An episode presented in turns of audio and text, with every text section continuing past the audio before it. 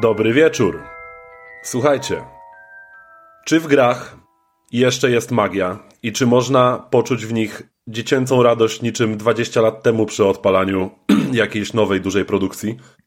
Postaramy się dzisiaj odpowiedzieć Wam na to pytanie, bo gramy w bardzo głośny tytuł. Niektórzy już pograli, przeszli, niektórzy nadal grają.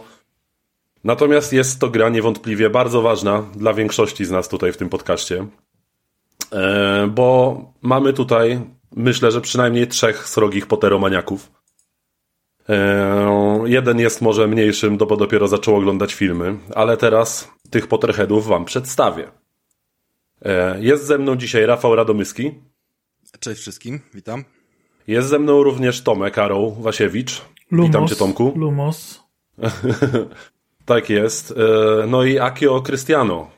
Krystian, wywołaj się. Dobry wieczór, dobry wieczór, witam wszystkich. Sprawdź mikrofon Mikołaj przy okazji, bo jesteś cicho. Ja jestem cicho? U mnie działa. E, u mnie jest wszystko git. E, ścieżkę mam bardzo ładną. W każdym razie tymi, tym oto pięknym powitaniem i problemami technicznymi witamy Was w 230 odcinku podcastu Bezimienny. Mamy dziś 15 lutego, dzień po święcie zakochanych. E, jest dzisiaj dla odmiany, w ogóle sprawdziłem w kalendarzu, nie wiem czy wiecie, dzisiaj jest dzień singla. Więc akurat my tych, tego dnia nie obchodzimy, bo żaden z nas tutaj nie jest singlem, chyba że się coś zmieniło od, nie wiem, zeszłego tygodnia czy coś. Natomiast w tym pięknym dniu o godzinie parę minut po 20 witamy Was właśnie w tym nowym odcinku. Pogadamy sobie dzisiaj o bardzo, bardzo, bardzo głośnym tytule, który sprzedaje się jak świeże bułeczki. Dowiemy się, czy naprawdę jest nim taka magia, jak wszędzie naokoło się słyszy. Oczywiście mowa o dziedzictwie Hogwartu, Hogwarts Legacy, tudzież, jak usłyszałem w Mediamarkcie w robocie, ktoś się mnie zapytał, czy mamy Hogwarts Legacy. E, więc tak też można, trochę jak Tomb Raider. E, słuchajcie, omówimy też sobie jedną polską produkcję, jaką jest Evil West. No i zapewne jeszcze będzie dużo pogadów, żenującego humoru, więc do tego wszystkiego dojdziemy. Ale słuchajcie, e, mamy dzisiaj odcinek prawdopodobnie ostatni w tym miesiącu, bo luty jest dość krótki. Więc wypadałoby podziękować e, tej sile, która pomaga nam, że tak powiem, walczyć z naszym mrokiem, z naszymi dementorami wewnętrznymi. Więc expecto patronum i wywołuje naszych patronów. A tymi są Adam Struzik, Ula Kender, Kamil Kender, Okularek, Tomek Wasiewicz, Karol Krajewski, Bartek Góralski, Nikita Zułkarnajew, Jacek Olbryś i Filip Weiser. Dzięki Wam serdecznie, nasi patroni. Jesteście wielcy, więc z tego miejsca Wam bardzo, bardzo dziękujemy. Tak jak i wszystkim innym słuchaczom oczywiście, ale oczywiście również zachęcamy do wsparcia nas na Patronajcie, żebyśmy mogli jeszcze więcej gier ogrywać na premierę, sprawdzać sprzęty i tak dalej. Eee, słuchajcie, Panowie, macie coś ciekawego do opowiedzenia mi po tej, e, po tej mojej długiej nieobecności, po której wracam jako jedyny słuszny prowadzący? Czy coś się zmieniło? Tak, mo możemy ci powiedzieć, że nie tylko ty masz pecha do sprzętu i nie tylko tobie się wszystko musi skaszanić za pierwszym razem. Cieszę się, że nie jestem sam w tej kwestii. Tak, miałeś piękny przykład, że pech jakby nie opuszcza też innych i to po prostu kwestia zależy od dnia, więc dobrze się zastanów, zanim następnym razem młotkiem rozpierdolisz jakiś sprzęt w domu. To, znaczy... w ten sposób Mikołaj router ostatnio. Ale to nie młotkiem, nie młotkiem. Rozjebałem go o ścianę, tak go konfigurowałem. Jakby no okay. Pokłóciłem się mocno z UPC. O. Przejebane, bo teraz mi doliczyli 300 do rachunku. Bo muszę zapłacić za nowy router. To było coś pięknego po prostu. Ale słuchajcie, yy, słyszałem, widziałem na grupie, że Tomek dzisiaj miał jakieś nieprzyjemne przeprawy z nowym sprzętem. Tomku, co tam ci się wydarzyło? E, tak, zakupiłem nowy laptop e, Acera tym razem, e, ponieważ mhm. skusiła mnie cena w, w stosunku do parametrów, które posiadał.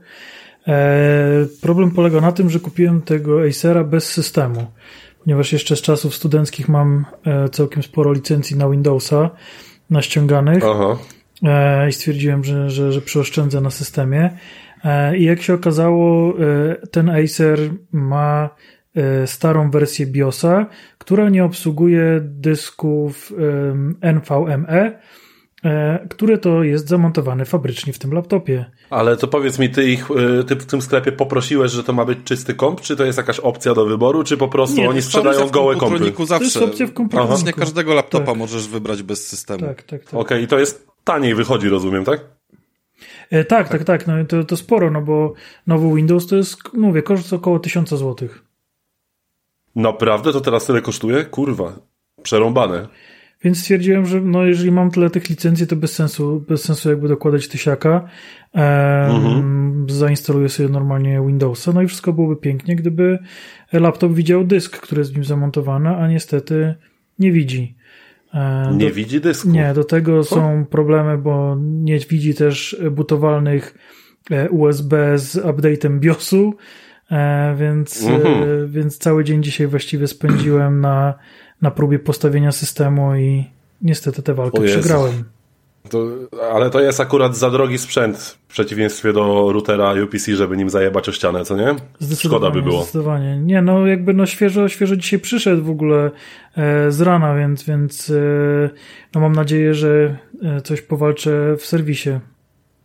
Okej, a powiedz mi, y, czy ty go próbowałeś rozkręcać, czy to gwarancję by ci Nie, zwojdowało? nie, y, y, oczywiście, że go rozkręciłem, bo w pierwszej chwili pomyślałem, że w ogóle mi tego dysku nie Że może się wypięło coś. E, tak, też, tak, też, też, tak, też tak myślałem, ale e, wymontowałem dysk, zamontowałem go z powrotem. Poza tym ten dysk, nie wiem, czy miałeś okazję montować dyski NVMe, ale one są e, tak montowane, że nie da się ich źle zamontować, ponieważ jest tylko... A, bo tam nie ma taśmy, tylko one są wpinane tak, w port i po jest prostu, tak? e, No. śrubka, której jak nie wepniesz, to w ogóle ten dysk nie będzie działał, więc, więc on ma konkretny slot, w którym musi siedzieć i nie ma opcji, żeby się stamtąd ruszył. No tak, jest Co 0 więcej, albo 1 po prostu. Jest drugi slot na taki dysk i przemontowałem go do tego drugiego slotu, ale również go nie widzi, więc, więc naprawdę jest niezła, niezła To ciekawe. A, ale w BIOSie rozumiem też niewidoczne Nie, właśnie, właśnie problem polega na tym, że jest niewidoczny w BIOSie, bo gdyby był w BIOSie już widoczny, to bym sobie jakoś dalej poradził, a niestety tu jest pies pogrzebany.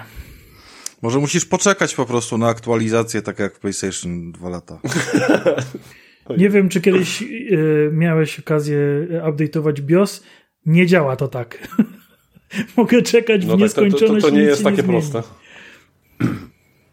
Ale y, czyli to po prostu uczy cierpliwości.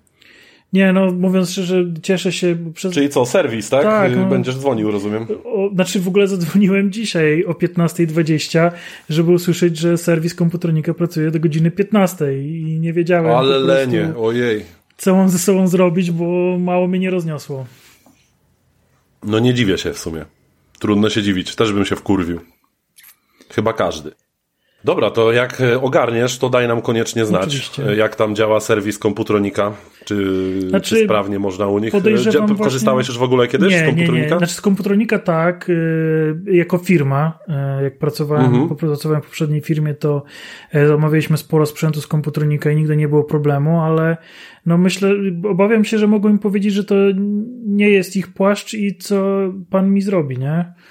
Ale, ale to się Zgadza dowiemy się. Tak, no bo to jakby ty instalowanie systemu to jest jakby twój problem. to, że nie No, to, to, że, to, że mój laptop nie widzi dysku, to też jest mój problem, nie? Znaczy moim zdaniem, moim zdaniem absolutnie, bo to jest tak, że y, ten laptop jest konfigurowalny, to znaczy, że dostajecie y, konkretne bebechy, w tym przypadku procek i grafikę, natomiast dysk Ale dyski mogą oni wymieniać i, puszczać ci z takim RAM już sami mówicie, ile chcecie tego mieć w tym komputerze zamontowane. Więc e, najpierw dzień jakby czekałem, aż ten serwis e, zamontuje mi wybrany dysk i wybrany RAM. I moim zdaniem ten komputer nie powinien opuścić serwisu, ponieważ oni po podłączeniu tego sprzętu powinni wejść do BIOSu. BIOSu i sprawdzić, czy wszystko jest poprawnie zainstalowane, czego nie zrobili. E, Nie, no to prawda, pewnie fabrycznie on tam miał wsadzony jakiś y, ten, jak to się nazywa, y, combo HDD z, y, z dyskiem SSD albo po prostu starszej generacji SSD. Znaczy mnie to dziwi, bo to jest w ogóle komp z Intelem 12 generacji, więc dlaczego tam jest kurde BIOS sprzed 4 lat, to tego ja nie rozumiem, nie? Ale to to jest jakiś składak jakby? Jak oni to Nie, to no to robią? po prostu y, te laptopy takie, nazwijmy to gamingowe, są po prostu przystosowane już do faktu, że ktoś może chcieć go upgrade'ować. W związku z tym Mhm, RAM, RAM i dysk SSD zawsze jest Dokładnie. wymienialny. Znaczy, tak, to ten różnie, nie? Jakby, no, Procesor też kiedyś, kiedyś ramy były lutowane bezpośrednio na płytę e, w tych ultrabookach, żeby zaoszczędzić miejsce. Nie, no tak, ale teraz jakby jest to standardem wyboru praktycznie w każdej wersji laptopa, nie? I, i, i to to jest po prostu, no jakby od kilku lat już, jeżeli chodzi o gamingowe sprzęty, faktycznie standard. Więc jakby ten sam laptop po prostu występuje w kilku wariantach cenowych, y, co nie znaczy, że mają trzy na półce, tylko ten sam ci sprzedają, tylko po prostu wymieniają. Yy, no tak, wiadomo. No, RAM lub podzespoły. Chociaż też tutaj była jedna ciekawostka, pamiętam jak um, o, o, o swoim PC opowiadał y, nasz drugi Tomek, nasz ex-Tomek.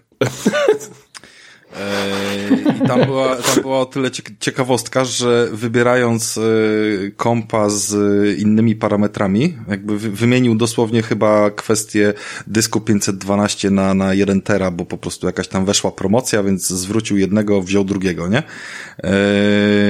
I ten laptop przyszedł z innym monitorem. I okazało, że po prostu w tej topowej e, specyfikacji, którą wziął z tym większym dyskiem, producent ładował e, matrycę 1440 zamiast Full HD. No i jakby też, też takie rzeczy można trafić, pomimo, że to nawet wiesz, nie, nie wynikało jednoznacznie z jego tam stronki sprzedażowej, bo oni zawsze to piszą po prostu. Dość zawiło. Tak, tak, tak. No jakby skupiają się na tych, tych kluczowych rzeczach, a tam rzadko kiedy jest podana nawet, nie wiem, prędkość tego ramu, czy coś w tym stylu, nie? No, zgadza się. Dobra, ale umówmy się, to nie są tematy na nasz podcast, y, żeby się PC Master Race'ami, możemy się zanwierzyć tylko pośmiać. Żeby nie wyszło, żeby nie wyszło, że nie gardzimy czasem. Mhm.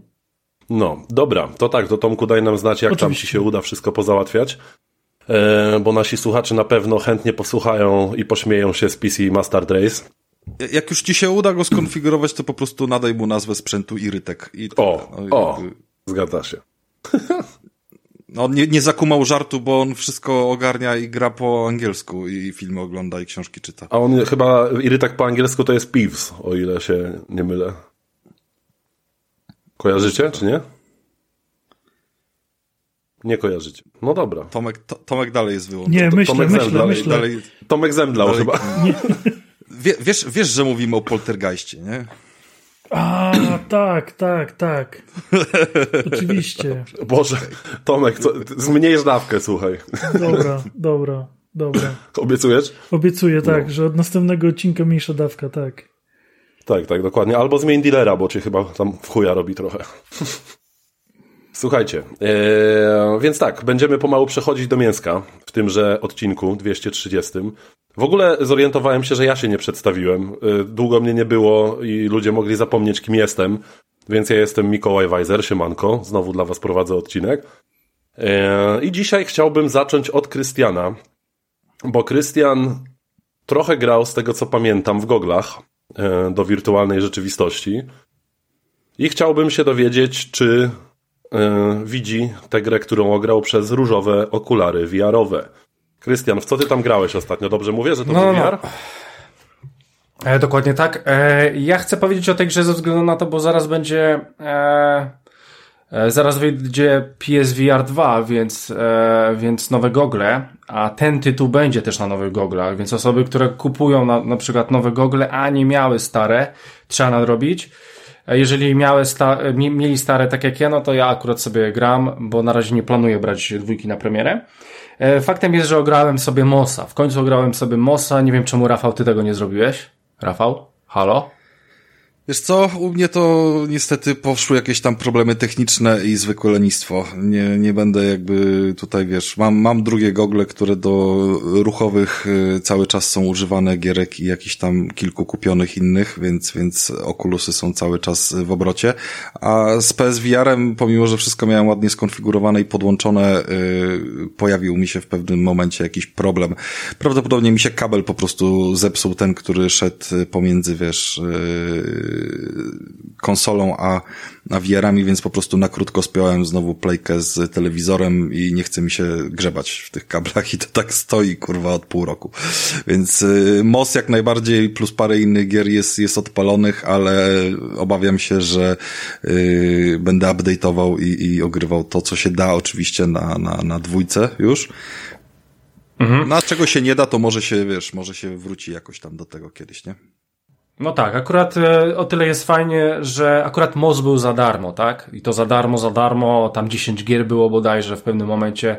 e, Sony zaszalało i akurat też MOS był, więc MOS naprawdę to, jest pozycja obowiązkowa wydaje mi się na PlayStation VR. Myślę, że to nawet e, może nie w top 3, ale w top 10 takich moich gier na pewno by się znalazło. E, no bo gra jest świetna. Dwójki? E, drugiej części jestem ciekawy, ale na razie chcę sobie zrobić przerwę, bo ten, e, ten gameplay po prostu od razu w dwójkę jakbym wskoczył, by mi się nie zrobiłby na mnie takiego wrażenia, więc tutaj pojedynce przerwa i później za jakiś czas powrót do dwójki i kontynuacja przygody. Bardziej ja to tak widzę. Więc słuchajcie, most. Czym jest most? Most jest, przede wszystkim to jest baśń. Baśń, w której będziecie sterować myszką, i słuchajcie, to wygląda mniej więcej tak, że wyobraźcie sobie, że jak tak jak... będziecie sterować myszką, to mamy tutaj złe skojarzenia z pecetami. Okej. Okay. Sprecyzuj, co masz na myśli. Okej, okay, tak, tak, tak. E, wyobraźcie sobie, że tak jak my teraz nagrywamy, jesteśmy przy biurkach, to zamiast tych biurek mamy plansze, e, różne skały, różne, różne domy, różne elementy w taką, świecie fantasy. Taką makietę jakby, tak? Coś makietę, takiego. dokładnie. Chciałem później użyć tego słowa. Dokładnie. Macie przed sobą makietę i po prostu poruszacie się tą myszką, myszą, białą myszą, mysz, e, po, tym, po tej makiecie. Skaczecie, e, przy, e, skaczecie, e, rozwalacie jakieś beczki, walczycie z przeciwnikami. Po prostu małą taką myszką sobie e, ruszacie po tej makiecie.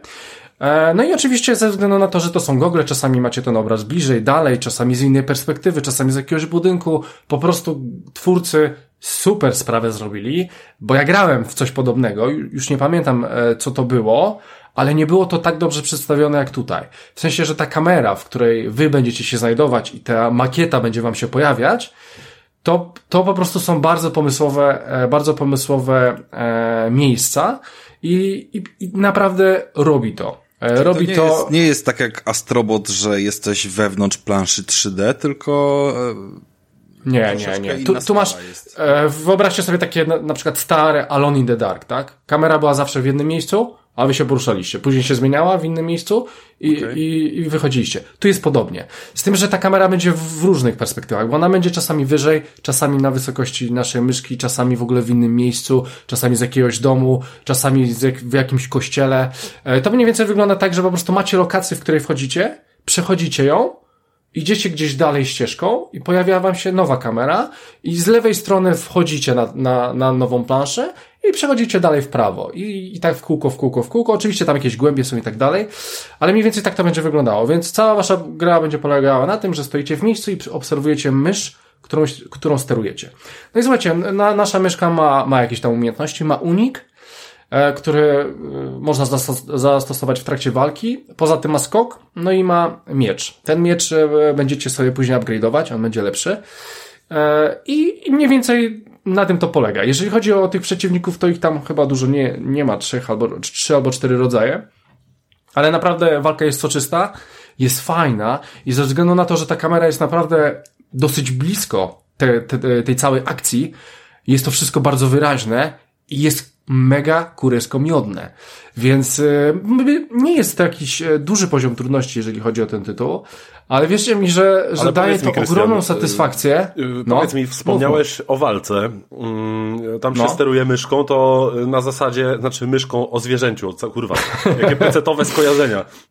Yy, no. Powiedz no. mi, czy tam, na jakiej zasadzie tam się ta walka odbywa? Tam jest jakieś bardziej, masz na myśli jakieś, że uniki, kontry, ciosy, czy ona ma jakiś Nie, znaczy to, to, to jest tak, masz przeciwnika, e, zadajesz mu dwa obrażenia i widzisz, że on zaraz się na ciebie zamachnie, więc odskakujesz do tyłu. Mhm. I tak w kółko. Więc e, e, chodzi o timing, żeby uniknąć jego ataku, który na ogół następuje po tym, jak zbyt długo go e, napieprzasz i nie odskakujesz. Okej, okay, no to tak, nie brzmi tak, zbyt porywająco, jeśli mam być szczery. Nie, bo, bo walka nie jest kwintesencją tej gry. Walka jest jakimś tam dodatek, dodatkiem, cząstką składową tej gry, mhm. tym tytułem. Ale, w takim razie, co, e, co jest clue tej gry? Co tam się robi właściwie? No, clue jest to, że sobie chodzicie po tej makiecie. Ja uwielbiam coś takiego. To, to samo było w Batman e, e, VR. Nie wiem, czy to był Batman Arkham VR, czy Batman VR, e, już nie pamiętam, ale bardzo mi się podoba to, że chodzicie sobie po tej ma makiecie i widzicie po prostu, że tu trzeba przeskoczyć, tu trzeba coś zrobić i wychylacie głowę na przykład mocno w prawo, o, tam jest coś do zebrania. Okej, okay, idziecie sobie tą myszką, wychyliliście głowę w prawo i zabieracie tą rzecz, którą normalnie jak siedzicie i widzicie i gracie, nie dostrzeżecie. Uwielbiam takie rzeczy, bo to wykorzystuje całą tą technologię VR. I takich elementów jest bardzo dużo. I to robi zajebisty klimat. E, poza tym, świat jest bardzo bajkowy. E, świat jest e, taki bardzo fajny, fantasy. Troszeczkę mi przypomina Train. Więc samo poruszanie się po tym świecie jest super. Ta mysz jest genialnie, genialnie animowana.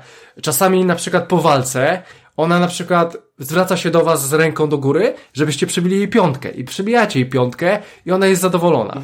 W ogóle e, tak, e, cały czas jest ta reakcja, że ta mysz czasami się na was spogląda, jeżeli nie, czegoś nie ogarnia, to wam, e, to wam pokazuje palcem i tam e, tak mruczy na was, żebyście może to ogarnęli.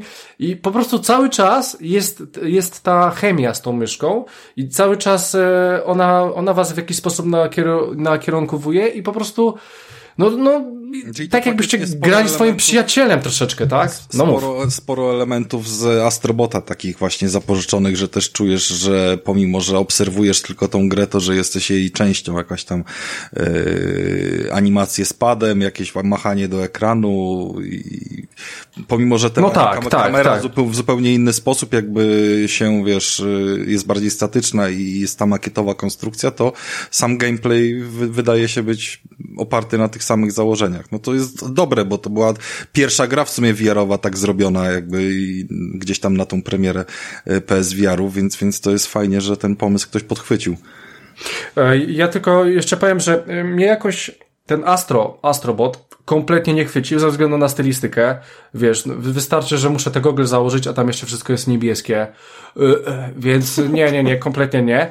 A Moss jest jednak fantazy w fajnym świecie. Jest tam opowiedziana bardzo fajna historia. Historia polega na tym, że wasz wuj zginął, e, bierzecie miecz, idziecie w świat, idziecie go odzyskać. Są walki z bossami. E, które są bardziej skomplikowane niż to, co mówię, bo trzeba uciekać po platformach.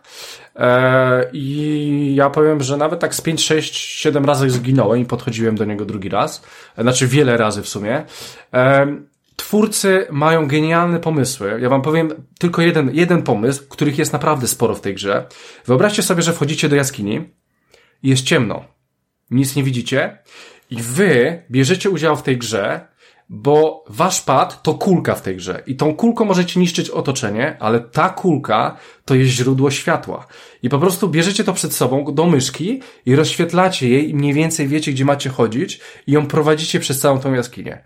Zajebiste. Słuchajcie, w praktyce jest to zajebiście zrobiony motyw i gra się super. I takich motywów jest naprawdę sporo w tej grze i pokazuje w jak fajny i mądry, mądry sposób można wykorzystać ten VR.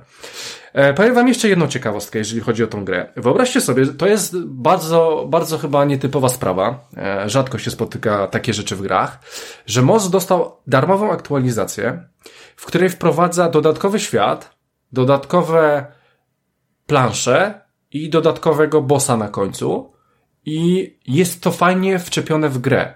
E, ponieważ będziecie chodzić po planszy i w pewnym momencie zobaczycie portal, wejdziecie w niego, wejdziecie do takiego jakby huba, który jest nowym światem i w nim będziecie mieli trzy misje do zrobienia. No, dla mnie to, by, to była rewelacja, ponieważ bardzo fajnie wprowadzili darmowe DLC do gry, które jest które inger, ingeruje się z tym światem i jest po prostu jego częścią. I było to zajebiście wykonane. To nie jest, że robicie później misję po grze. Nie, w trakcie gry będą portale się pojawiały i będziecie opcjonalnie mogli do nich wejść. To tak, I ja to pamiętam, że ta, taka, dygresja mała, że ja pamiętam, że niesamowicie wrażenie to na mnie zrobiło, jak Noc Kruka została zajebiście wkomponowana w Gotika dwójkę. Bo tam właśnie ta, ta lokacja, z której się przechodziło y, do tego dodatkowego świata właśnie z, z rozszerzenia, y, sama mhm. ta lokacja, w której było przejście, ona była w grze od początku, tylko tam było trochę lutu, jak jacyś mocniejsi przeciwnicy, ale de facto nic tam z tą lokacją się nie dało zrobić, a ona się bardzo wyróżniała i nawet gdzieś tam jakiś NPC wspomniał o tym, ale dodatek wyszedł dopiero gdzieś tam z rok czy półtora później, nie? I idealnie wykorzystał właśnie ten średnio wykorzystany obszar mapy. I było idealnie wkomponowane właśnie nie na końcu gry, nie, nie na początku od razu komunikat, że ty będziesz miał dodatek, tylko naturalnie po prostu fabuła się rozgałęziała na jakiś czas na ten świat. No tak, dodatku, tylko... Nie? Tylko, że w, wydaje mi się, że w RPGach e, łatwiej jest coś takiego zrobić niż No tak, pewnie w tak, aczkolwiek mi się adventure, skojarzyło nie? po prostu takie wkomponowanie dodatku No, no. w podstawkę, nie? No tak samo było w Bloodborne. E, bardzo, Bo, bo, bo tak, te, te, te same To kolejny tak, RPG. tak. No tak. no to mówię, w RPGach jest to e, easy, ale na przykład w takim Unchartedzie w, w trakcie gry będziecie mieli coś dodatkowego, to, to by był na przykład wyczyn. E, tak mi się wydaje. No w E, linii Słuchajcie, po, poza tym, ciężko, no. No tak. E, Słuchajcie, poza tym e, będzie sporo e, bardzo fajnych zagadek. Zagadek na zasadzie, że wy musicie pomagać swojej myszce, bo tak jak powiedziałem wam z tą kulką, wy możecie niszczyć też różne przedmioty, ale możecie też przesuwać, e, coś podnosić i coś e, przekręcać w tym, tą kulką, która imituje e, waszego pada w tym momencie. Więc e, to też bardzo fajnie działa i też e, Ale to rozumiem, bardzo fajną chemię tworzy. Playakowym padem, tak? DualSense'em grałeś, nie, nie jakimiś kontrolerami ruchowymi. PS4. PS4, niestety PS4. PS4. To był dramat ogólnie. Na PS5 e, muszę grać PS4, ponieważ jest ten czujnik, jest ta lampka i o, o to mi chodzi. No tak, okej, No. okej, cześć. A DualSense tego nie ma, tak? Sensie, Więc no, e, myślę, no, że mogliby to rozwiązać y, czujnikiem ruchu w padzie, nie? Jakoś. no ale kamera odczytuje e, światło, wydaje mi się. I Chodzi wydaje mi się o, w przestrzeni, a nie tylko ruch. I to No jest tak, też względem gogli. No. Nie? Więc oni powiedzieli, że, że tego nie będą emulować w żaden sposób, że, że szkoda na to roboty. I... Znaczy, mi to jakoś nie, nie przeszkadzało, pad do czwórki był spoko, e, a zresztą no, było ok, tylko że musiałem go znaleźć, trzeba go mieć przede wszystkim, musiałem go znaleźć, podładować, bla bla, ale, ale, ale nie miałem z tym problemu. E, Słuchajcie, no i oczywiście chciałem powiedzieć też troszeczkę o tej grafice, słuchajcie, no grafika jak na PlayStation VR, gra 2018, 5 lat, no wow. No po, powiem wam, że wow. Grałem w wiele gier na PlayStation VR, ale to jest po prostu przepiękna gra. Przepiękna gra. Oczywiście tam jakieś dalsze elementy czy coś, eee, no to nie ma, nie ma rewelacji, ale po prostu te wszystkie makiety, te, te części plansz, po których cho- będzie ta mysz chodziła, po prostu są przepiękne, są bardzo ostre przede wszystkim. Wydaje mi się, że mógłbym mieć inny efekt, jakbym miał to na PlayStation 4 bazowym, niż na PlayStation 5, które mi to podbija pod tego Pro. Więc e, jeżeli chodzi o grafikę, naprawdę gra się nic nie zestarzała, ona jest dalej aktualna, ona dalej bardzo ładnie wygląda, myszka daje radę, jest super animowana. Co jakiś czas e, będziecie wchodzić do waszego huba, bo ogólnie to jest historia. E, Pierwsze, co będziecie robić w tej grze, to otworzycie książkę i będziecie słuchać o tej baśni, jak właśnie myszka idzie uratować swojego wujka. E, No i mniej więcej co jakiś czas będziecie wracać do tej baśni. Uratować, Będzie a on nie, nie zginął czasem? Mówiłeś, że zginął. e, nie, bardziej za, zaginął, może bym a, powiedział. zaginął, okej. Bo Ja zrozumiałem, No, no, że umarł. Nie, nie, nie, nie. Wasz, wa, cel waszej misji jest odnalezienie wujka, który gdzieś tam poszedł. No, e, e, tak. Więc e, co jakiś czas będziecie wracać do tego hubu, w którym jest książka i będziecie przynosić kolejne strony i będzie wam się odczytywała historia. Więc ogólnie e, świat jest przepiękny, jak zobaczycie ogromną żabę na przykład, albo w ogóle ogromne, ja w ogóle bardzo lubię, bo bierzcie też pod uwagę, to jest mała mysz, więc cały ten świat jest dostosowany do niej, więc wszystko jest w miarę małe, ale elementy ogromne, jak na przykład sarna pojawi się, będzie ogromna i zrobi to ogromne wrażenie. Więc y, wszystkie normalne elementy, które nam wydają się, że są normalne, w tej grze są mega duże. Więc y, to też, bo Fajnie, podbija no i też jeszcze lubię takie VR właśnie idealnie się nadaje do właśnie ukazywania skali obiektów. No, no, no. E, I właśnie ta gra to też bardzo fajnie pokazuje. E, Słuchajcie, e, nie będę już przedłużał, dla mnie moc to jest pozycja obowiązkowa. Jeżeli miałbym się przypierdolić do czegoś, to do Rafała, że tego nie ograł. E, Bo naprawdę, to jest, to jest tytuł, który na VR trzeba Pełni grać. biorę na klatę. Pełni biorę na klatę. To jest Tak, wada więc tej gry po prostu, że Rafał w nią nie zagrał. Je, jeszcze, e, jeszcze powiem wam, że ja w ogóle bardzo późno ją zagrałem, a miałem ją przecież rok, dwa, trzy. E, historia jest dosyć otwarta pod koniec, więc no, na kontynuację. Kontynuacja wyszła, więc tak jak mówiłem, do sprawdzenia, na pewno do sprawdzenia, ale, ale po jakimś czasie ja sobie teraz, e, ja, jak już powiedziałem, PlayStation 2 kupię wtedy, kiedy ogram to, co mam na jeden, a na jeden jeszcze mam parę tytułów do ogrania, w tym Resident Evil 7, pozdrawiam Adama, więc myślę, że e, na pewno to nadrobię i już, już pomału zaczynam to robić. E, więc ogólnie super, super przygoda, 6, 7, 8 godzin, można calakować, fajnie nawet się calakuje, bo szuka się różnych tych, e, tam listy się zbiera i po prostu trzeba się przechylać, że patrzeć, czy na przykład na, nawet wstać trzeba i zobaczyć, czy coś na górze nie leży, to jest fajne. No tak jakbyście mieli po prostu makietę i po prostu oglądali ją z każdej strony, więc to jest super. Więc można to robić, ale dużo tytułów na mnie czeka, dużo fajnych premier, więc e, Mosa, no niestety nie stalakuje, a bardzo bym chciał.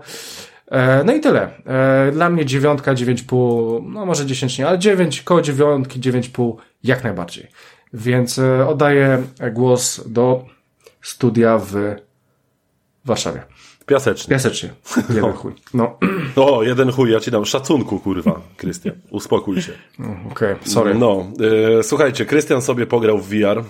Wygląda fajnie ten most. Kurczę, jak tak sobie spojrzałem na, na screeny, jakiś tam gameplay, podejrzewam, jest że jeszcze super, właśnie naprawdę jest super. osobiście odbieranie tej gry przez gogle potęguje ten, ten fajny efekt. Przepraszam, że tak chrząkam, ale jeszcze nie do końca doszedłem do siebie po tych moich zdrowotnych problemach, przez które mnie nie było. Także będzie trochę chrząkania na odcinku. Albo się wytnie potem, bo, y, bo Krystian będzie montował ten odcinek, bo ja idę jutro na 12 godzin do roboty. Także tak informuję Krystiana, jakby co. E, słuchajcie, mm, to był Krystian ze swoim mosem. Natomiast... A jutro jest tłusty czwartek. Ja e... będę jadł pączki. Zamówiłem 15. No to możesz montując sobie wpierdalać pączki. A czy znowu to będą Xboxowe pączki? No nie, tym razem już nie, nie, nie. nie. To będą polskie pączki z polskiej piekarni. Wiem, że będą losowe smaki. O, tak sobie wziąłem. Elegancko, ale już nie będą smakowały jak 12 teraflopsów. Więc to, to nie to no samo. No niestety nie. 12 chyba i 3, albo tak, 12. No okej. Okay. Słuchajcie, ja z Tomkiem też ograliśmy sobie jedną grę. Polską grę swoją drogą, to jest polska produkcja. Yy, najpierw ja ją ogrywałem, później wysłałem płytę Tomkowi, więc się tak fajnie podzieliliśmy. Hmm. Tomek, w ogóle było dobre zamieszanie z tymi patronowymi grami, bo najpierw ja wysłałem Tomkowi Evil Westa, później on nie mógł wytrzymać do Hogwarts Legacy, więc kupił sobie edycję Deluxe i Hogwarts, który najpierw miał iść do mnie. Chyba wśród, Hogwarts, wśród patronów to chyba mieliśmy czterech patronów, którzy chcieli Hogwart, plus my wszyscy kupiliśmy swoje kopie, więc to kurwa gra, która jakby, no, zerowe, wiecie. Jakby nawet Ragnarok nie był tak rozchwytywany. To prawda. Jak Hogwart. E, słuchajcie, my sobie ograliśmy z Tomkiem Evil West, e, czyli grę produkcji ekipy z Warszawy, czyli Flying Wild Hog. E, no i może ja zacznę o tej grze, bo ja ją pierwszy ogrywałem, więc poza tym prowadzę ten odcinek, więc e, jakby rządzę tutaj. Słuchajcie, ta ekipa Flying Wild Hog mi się kojarzy raczej ciepło. Choć uczciwie przyznam, że grałem tylko w pierwszego Shadow Warriora, natomiast śledząc branżę, odniosłem wrażenie, że są takimi gośćmi od nieźle przyjętych średniaków, takich AA gierek. Nie? Czy coś w tej kwestii się dla mnie zmieniło po ograniu Evil West? Ale po kolei. Płyta się zakręciła z hookiem w napędzie PS5. Nie wiem, czy płyta była cięższa, czy coś, ale moja playka prawie się zerwała do lotu, jak włożyłem tę płytę. No i pierwszy kontakt z grą i od razu miałem mieszane uczucia. Najpierw zajebisty art przy uruchomieniu gry, y, ewidentnie inspirowany Dumem, miałem wrażenie. E, później w menu postać kowbojo podobnego badasa z hiperturbo rękawicą do fistingu, bębenkowiec wielkości indyka i do tego westernowa gitarowa muzyczka. To jest dobre. To fajnie wygląda. Fajnie się prezentuje. E, głównym bohaterem gry jest Jesse Rentier, e, syn założyciela Instytutu Rentierów, czyli takiej super zaawansowanej technologicznie korporacji, która walczy z wampirami. Jesse to jest srogi zabijaka i taki agent polowy tego instytutu. E, spodobało mi się to całe połączenie. Ogólnie rys świata jest gdzieś na pograniczu westernu, steampunku i napierdalanka wampirów i demonów. Mm, to całe lore, historie i rodzaje wampirów, które tam się pojawiają i różnych przeciwników poznawałem w dzienniku później z niekrytym zainteresowaniem, bo to było naprawdę nieźle rozpisane. Ale co ciekawe, warto też wspomnieć, że chociaż jakby no, no. na początku mówi się o tych wampirach, to jednak wszyscy ci przeciwnicy tworzą taką zgraję raczej e, potworów z kina grozy lat 80. niż. E, tak, czysty, takich podszywańców, taki, nie? E, czysty taki krwiopijczy system, bo, bo są i mumie, i jakieś tam zombiaki się, wybuchające, i i... Tak, tak, znaczy powiedzmy, że to jakby głównym twoim przeciwnikiem są wampiry, które one zarządzają całą swoją armią Rasą jakichś potworów. wykręconych monstrów po prostu, tak? Eee, to jest, to jest dobre po prostu. To się fajnie, fajnie śledziło. Mm, historia jest raczej tylko pretekstem do, do rzucania na nas, nas na kolejne misje. Ale jest, wydaje mi się, na tyle dobrze napisana, że śledziło mi się to przyzwoicie. Jakby nie czułem ani przez moment jakiegoś znużenia, znudzenia. I dobrze, jakby wiadomo, nie każda gra musi być fabularnie Elexem, tak? to znaczy The Last of Us. sorry, sorry, poniosło mnie. Ale, w ogóle ale to w tej recenzji będzie słowo klucz. No, pierwsze wrażenie stylówką i klimatem to było jak takie otwarcie okna w słoneczny poranek ale bliższe przyjrzenie się oprawie na początku było jak taki strzał mokrą szmatą z rynsztoka w twarz, zaraz po otwarciu tego okna. Nie no, dramatyzuję oczywiście, ale szczerze, w pierwszych chwilach jakość oprawy no przypominała mi mocno czasy takich wczesnych, bazowych PS4 Xbox One. I to na konsoli obecnej generacji no wygląda to bardzo niezaśrednio, ale za to chodzi w 30 FPS-ach. Tak, w 30. Gra z pudełeczka z białym grzbietem, nie jakaś żadna wsteczna kompatybilność. No, mają szczęście chłopaki, dziewczyny i inne osoby z Flying Wild Hawk, że grafika i technikalia raczej zazwyczaj nie stoją u mnie na pierwszym miejscu. Zresztą ponownie wspomniany LX2 w mojej topce roku, w którym wyszedł Elden Ring i Ragnarok, to mówi chyba sam za siebie. E, chwała wam, deweloperzy, że daliście opcję powiedzmy, że 60 klatek no wtedy gra wygląda jeszcze słabiej, ale za to renderuje się chyba gdzieś w okolicy 1080p. Ogólnie oba tryby graficzne jak określiłbym jako tak powiedzmy, że jakości i tak jakby wydajności. Um, aczkolwiek ostatecznie się zdecydowałem jednak na ten tryb jakości, bo te 30 klatek było naprawdę nie najgorzej zoptymalizowane ostatecznie. Mimo, że jakoś z początku wydały mi się takie ślamazarne i, i, i powolne, ale ostatecznie tak ukończyłem grę, bo w 60 klatkach rozdzielczość jest po prostu niska jak Krystian. I o dziwo... Jak Tomek chyba. Albo jak Tomek, tak. Możliwe, racja. Nasz ex-Tomek oczywiście, nie, nie nasz Ex-Tomek. Nie, nie, nie, ten Tomek nie, jak ex-Tomek, tak. Nie nasz nowy Tomek. Nie, nasz nowy Tomek jest, jest wysoki. Jest, jest w ogóle przy, to, przy, ex, to, przy ex-Tomku to jest w ogóle gigant. To jest jak dwa tomki. Jest jak dwa tomki. Jakby ktoś zjadł jak Tomka i wyszedł drugi Tomek. O, dokładnie. dokładnie. Skojarzyło mi się z mechaniką pożerania własnych kart w gwincie, żeby się wzmocnić. To, to mniej więcej tak wow. wyglądało. Ale słuchajcie, o dziwo ogólnej toporności tej gry zdarzyło mi się więcej niż raz zatrzymać i podziwiać naprawdę na przykład zajebiście wymodelowane pogorzelisko. Nie wiem, czy pamiętasz, Tomek, yy, moment na polu naftowym, tak, które całe płonęło. Tak, ale to jest, i, w ogóle, no i... to jest w ogóle niesamowite, bo jak ja też dostałem tą grę od, yy, od Mikołaja, odpaliłem, mhm. piszę na, na naszym takim czacie podcastowym, mówię, ja pierdzielę, co to jest w ogóle, Mikołaj, nie, spokojnie, tak. pograj trochę i potem faktycznie jakby z każdym kolejnym etapem jest lepiej. Jakby ktoś po prostu e, we Flying Wild Hawk stwierdził, słuchajcie, jak ktoś przejdzie przez ten gówniany pierwszy poziom, to już potem będzie spoko, nie? Bo naprawdę jakby tak mocno jakościowo odstaje ten pierwszy poziom od tego wszystkiego, co Tak, ale właśnie potem. to jest dość absurdalne, nie? Bo zazwyczaj raczej w grach się ludzie starają na początku zrobić zajebiste wrażenie, żeby cię zatrzymać, a tutaj dostajesz w pysk po prostu grafiką rodem z pierwszego Gears of War nie, na początku. Naprawdę, I do tego lokacja, która jest słabe. dość generyczna, nie? To było naprawdę Take. słabe. Ale później tak, później w ogóle możliwe, że to jest też kwestia tego, że ten pierwszy etap rozgrywa się w pełnym słońcu. I tak, to jest chyba tak. w ogóle Natomiast... taka e, specyfika, że ciemniejsze rzeczy łatwiej zrobić ładnie.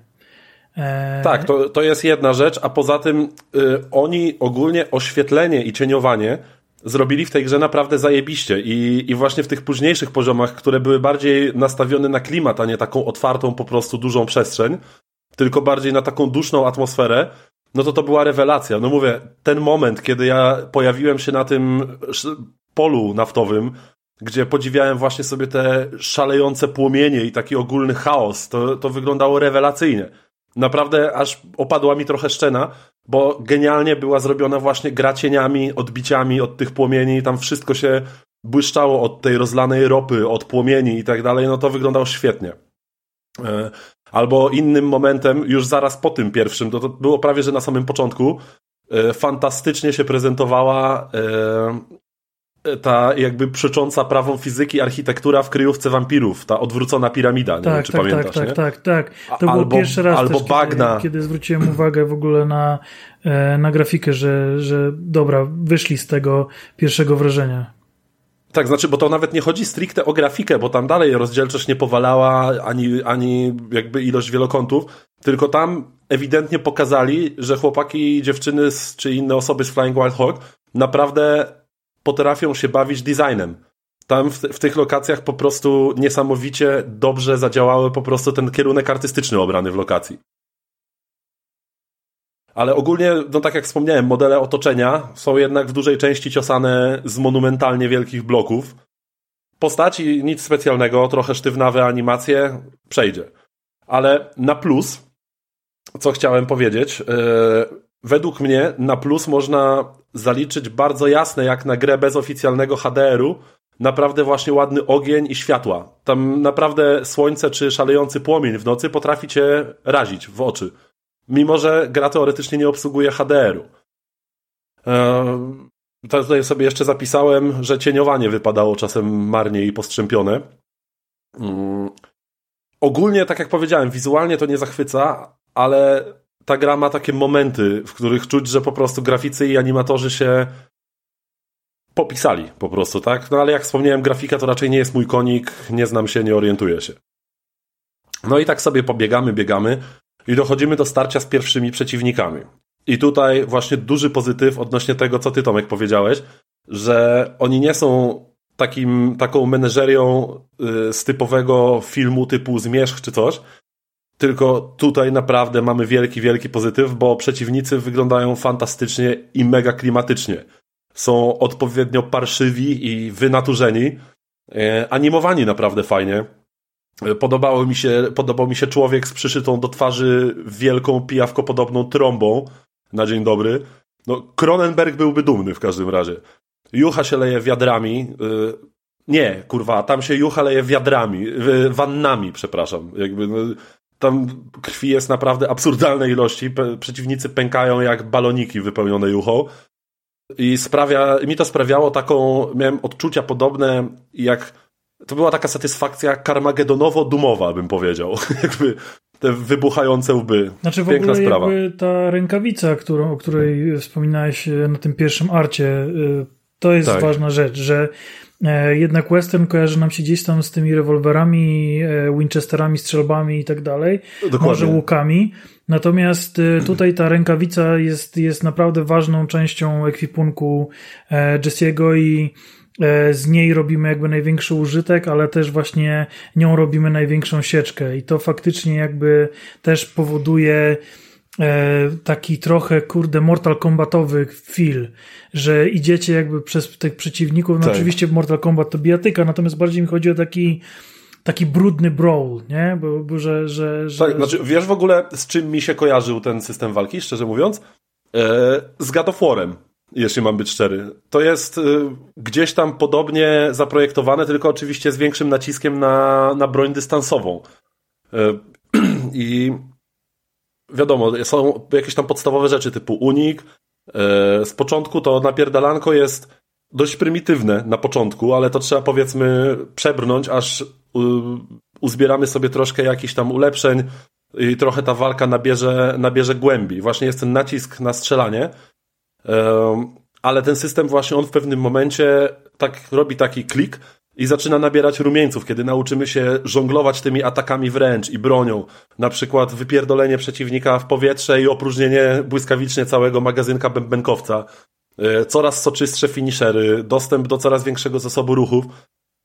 Ale serio, schemat zabawy jest niemalże identyczny jak w zrebootowanym Gowie, tak? Czyli mamy kawałek eksploracji, która akurat tutaj praktycznie tej eksploracji ona nie istnieje właściwie, to jest bardziej Y, korytarzowa gra, w której idziemy do kolejnej no, areny jeżeli na przykład chcecie zmaksować, to już jest ciężko, bo bardzo często jakieś odnogi e, odcinają wam możliwość powrotu, a okazuje tak. się, że gdzieś tam była jakaś skrzynka, której, którą, którą pominęliście i już nie jesteście w stanie do niej wrócić.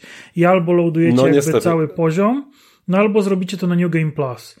Z tym, że Dokładnie. I, y, znaczy... na pewno chciałbym jeszcze zwrócić uwagę na to, że e, to, co, to, co Mikołaj mówił o tym rozbudowaniu i jakby przyzwyczajaniu się do, do, do strzelania, to jasne, ale też tych opcji jest za dużo na jedno przejście gry. Ta gra jest ewidentnie skonstruowana na to, żeby przejść ją minimum dwa razy. E, za pierwszym razem tworzycie sobie gdzieś tam jakiś pomysł na tą postać, a dopiero za drugim przejściem będziecie w stanie faktycznie odblokować wszystko. W związku z tym wydaje mi się też, że często może być tak, że nawet dwie osoby grające po przejściu raz tej, tej produkcji będą miały zupełnie różne buildy i na co innego będą jakby zwracały uwagę e, podczas grania. Zgadza się, zgadza się, ale według mnie to jest akurat spoko, bo ja akurat tutaj właśnie miałem ten taki przyjemny problem z wyborem perków, które chciałem wybrać, umiejętności, które chciałem aktywować, bo wszystkie wydawały mi się atrakcyjne w jakiś sposób. I, i to jest spoko. Ja zawsze lubię to, to w grach. I, ale co ciekawe, też gra budzi we mnie jakieś takie dawno nieaktywowane rejony mózgu, które aktywowały całe lata temu Gearsy, mam wrażenie. Bo taki jakby model tego poruszania się, gdzie postać była dość ciężka, y, w specyficzny sposób przeskakiwała przez przeszkody, ale może to jest taka charakterystyczna motoryka tego Unreal Engine 4 po prostu. Albo wygląd postaci nawiązujący do stylistyki z czasów tej siódmej generacji konsol, czyli ludzie z dziwnie dopakowanymi łapami, i wielkimi klatami. Znaczy ja na pewno jakby po ogrywaniu trochę japońszczyzny, bo, bo y, nie miałem jeszcze okazji o tym mówić, ale, ale był mhm. i Crisis Core i potem e, właśnie ten One Piece e, gdzieś tam, gdzieś tam jakby nastukałem trochę tych godzin, jeszcze Monster Hunter e, w, w te różne produkcje i Evil West nagle był takim powiewem, takim oddechem, takim, takim naprawdę nabraniem dużego haustu powietrza w płuca, tak. gdzie po prostu był czysty fan z rozgrywki. Po prostu e, parę godzin ta produkcja zajmuje jej przejście, ale cały czas jest po prostu na maksa endorfiny do mózgu i tylko pierzecie te, te potwory. Dokładnie. I to, to było naprawdę coś zajebistego. Tak, no właśnie nawet tu w notatce sobie zapisałem, że tego takiego liniowego, specyficznego grania y, z tej siódmej generacji konsol, że nie uznaję tego za wadę, bo mi od dłuższego czasu w świecie, wiesz, gigantycznych światów, w których po prostu trzeba spędzić 60 godzin, żeby coś ugrać, to mi niesamowicie brakowało takiej liniowej, bezpardonowej sieki, bez otwartych hubów, lokacji na 8 godzin i tak dalej. I do tego właśnie w toku gry ten system walki okazał się według mnie absolutnie miodny, bo tam naprawdę to było takie pompowanie endorfin, jak powiedziałeś, kiedy już udaje ci się tymi atakami żonglować, przyciągasz ich do siebie po kilku naraz, jakieś obszarowe ataki, napierdalanie, wszędzie sypią się jakieś iskry od tych elektrycznych ataków, potem przymierzasz, wysadzasz komuś łeb perfekcyjnym headshotem. No coś pięknego. Znaczy, w każdym razie też, jazda dalej. To jest ciekawe tam, no, no. że e, gra całkiem ciekawie wprowadza te nowe, nowe potwory, bo e, początkowo macie je za bossy, znaczy może za mini bossy bardziej, tak. bo, bo, bo, bo jakby jest też na to podział. I nagle stajecie jakby na arenie tylko z jednym, z jednym takim i tam tu robicie uniki, jakieś cuda na kiju, a za chwilę rzuca wam y, dwóch bossów. Trzech takich. A za chwilę no, trzech. Tak. I nagle się okazuje, że ten boss staje się zupełnie zwyczajnym mopkiem, e, z którym Tylko twardszym. wiecie, no. jak sobie dokładnie poradzić. Tak. I szczerze, tam pod koniec, to naprawdę niektóre te areny to były grube. Tam naprawdę trzeba było się postarać. Mi się zdarzało padać w tej grze, jeśli mam być szczery. E, tak, no to ja w ogóle już jeden z, jeden z takich ostatecznych, nie będę jakby spoilował z kim, ale jeden z tych mhm. ostatecznych bossów grałem chyba naprawdę z dobre 15 minut. Turlałem się, kombinowałem, tam robiłem, w ogóle cudowałem wszystko i ten boss miał trzecią fazę. I trzecia faza to był jakiś Kiedy kosmos. tak na maksa urósł? Nie, kiedy się y, zmultiplikował chyba do 20 sztuk. I, O Jezu, tak. i ja padłem. I ja po prostu nie wytrzymałem. Jakby zacząłem rzucać takimi bluzgami. tak Miałem tak. ochotę wyrzucić Bywa tę grę ciężko. przez okno. Ale Tak, tak, kliknąłem reload i okazało się, że gra zapisała, y, że gra robi jakby y, autosave Savey w trakcie walk z bossami. po no. każdej fazie. Mhm. I ja mówię, I dobra, chwała jej za to, kurwa. już was nie nienawidzę, nie? Cofam. tak, tak. Bo ja naprawdę jechałem po tych deweloperach tam grubo, nie? Dobrze, że jakby mam, mam bezpieczną jakby taką przestrzeń i sąsiedzi mnie nie słyszą, bo naprawdę tam takie klątwy leciały. Ale powiem ci, Zaklęcie że u mnie było to samo momentami. tak, tam już, tam już po prostu krucjo było seryjne, nie? Na, na deweloperów, ale na szczęście wybrnęli Był z tego. ten load, była to tylko ta trzecia faza i ja mówię, okej, cofam. Tak. tak jest, dokładnie tak. E, wiesz co? E, w ogóle jeszcze chciałem też e, dla kontrastu odnośnie tego ogólnie dobrego, fajnego projektu tej gry chciałem pogadać też o glitchach, bo trochę ich miałem i bugów glitchy. E, kilka razy nawet takich, które że tak powiem psuły mi grę, bo chociażby na samym początku nie zrealizowałem podpowiedzi z samouczka w rogu ekranu i zepchnąłem wrogów z krawędzi, z klifu, zamiast wykończyć ich podbródkowcem wysyłających ich w powietrze doprawionym błyskawicznie opróżnionym magazynkiem. I co postanowiła gra? że za karę zostanę na zawsze w limbo bez kolejnych przeciwników, na których mógłbym odpokutować swoje winy, ani jakiejkolwiek opcji pójścia dalej, bo nie załadował mi się skrypt czyniący jeden z obiektów interaktywnym po walce, żebym mógł się do niego podciągnąć. No kurwa, i to było po 10 minutach gry, taki plaskacz w ryj, nie? E, lubię plaskacze w ryj, ale Flying Wild Hawk mogłoby mi chociaż kwiaty kupić albo coś. Przed tym. E, Bugi to niestety jest w ogóle taka dość poważna przypadłość Evil Westa. Od 10 lat nie byłem zmuszony resetować gry, żeby wyświetliła mi łaskawie napisy w przerywnikach, na przykład, bo to, tak też mi się zdarzyło, że po prostu z jakiegoś powodu gra się obraziła i nie, nie będzie napisów. Naucz się kurwa ze słuchu lepiej angielskiego. Ale tak szczerze, jakby już pomijam takie jakieś śmiesznostki, to takie zaniedbanie, że gra nie wyświetla ci napisów, to w dobie takich perełek w tym względzie jak The Last of Us, to to jest strzał w ryj dla osób potrzebujących jakichś opcji dostępności. Tak? Jakby to jest według mnie jedna z podstawowych rzeczy, które powinny w grze działać. Czyli właśnie ta deskrypcja, te napisy. Do tego czasem wariujący system kolizji.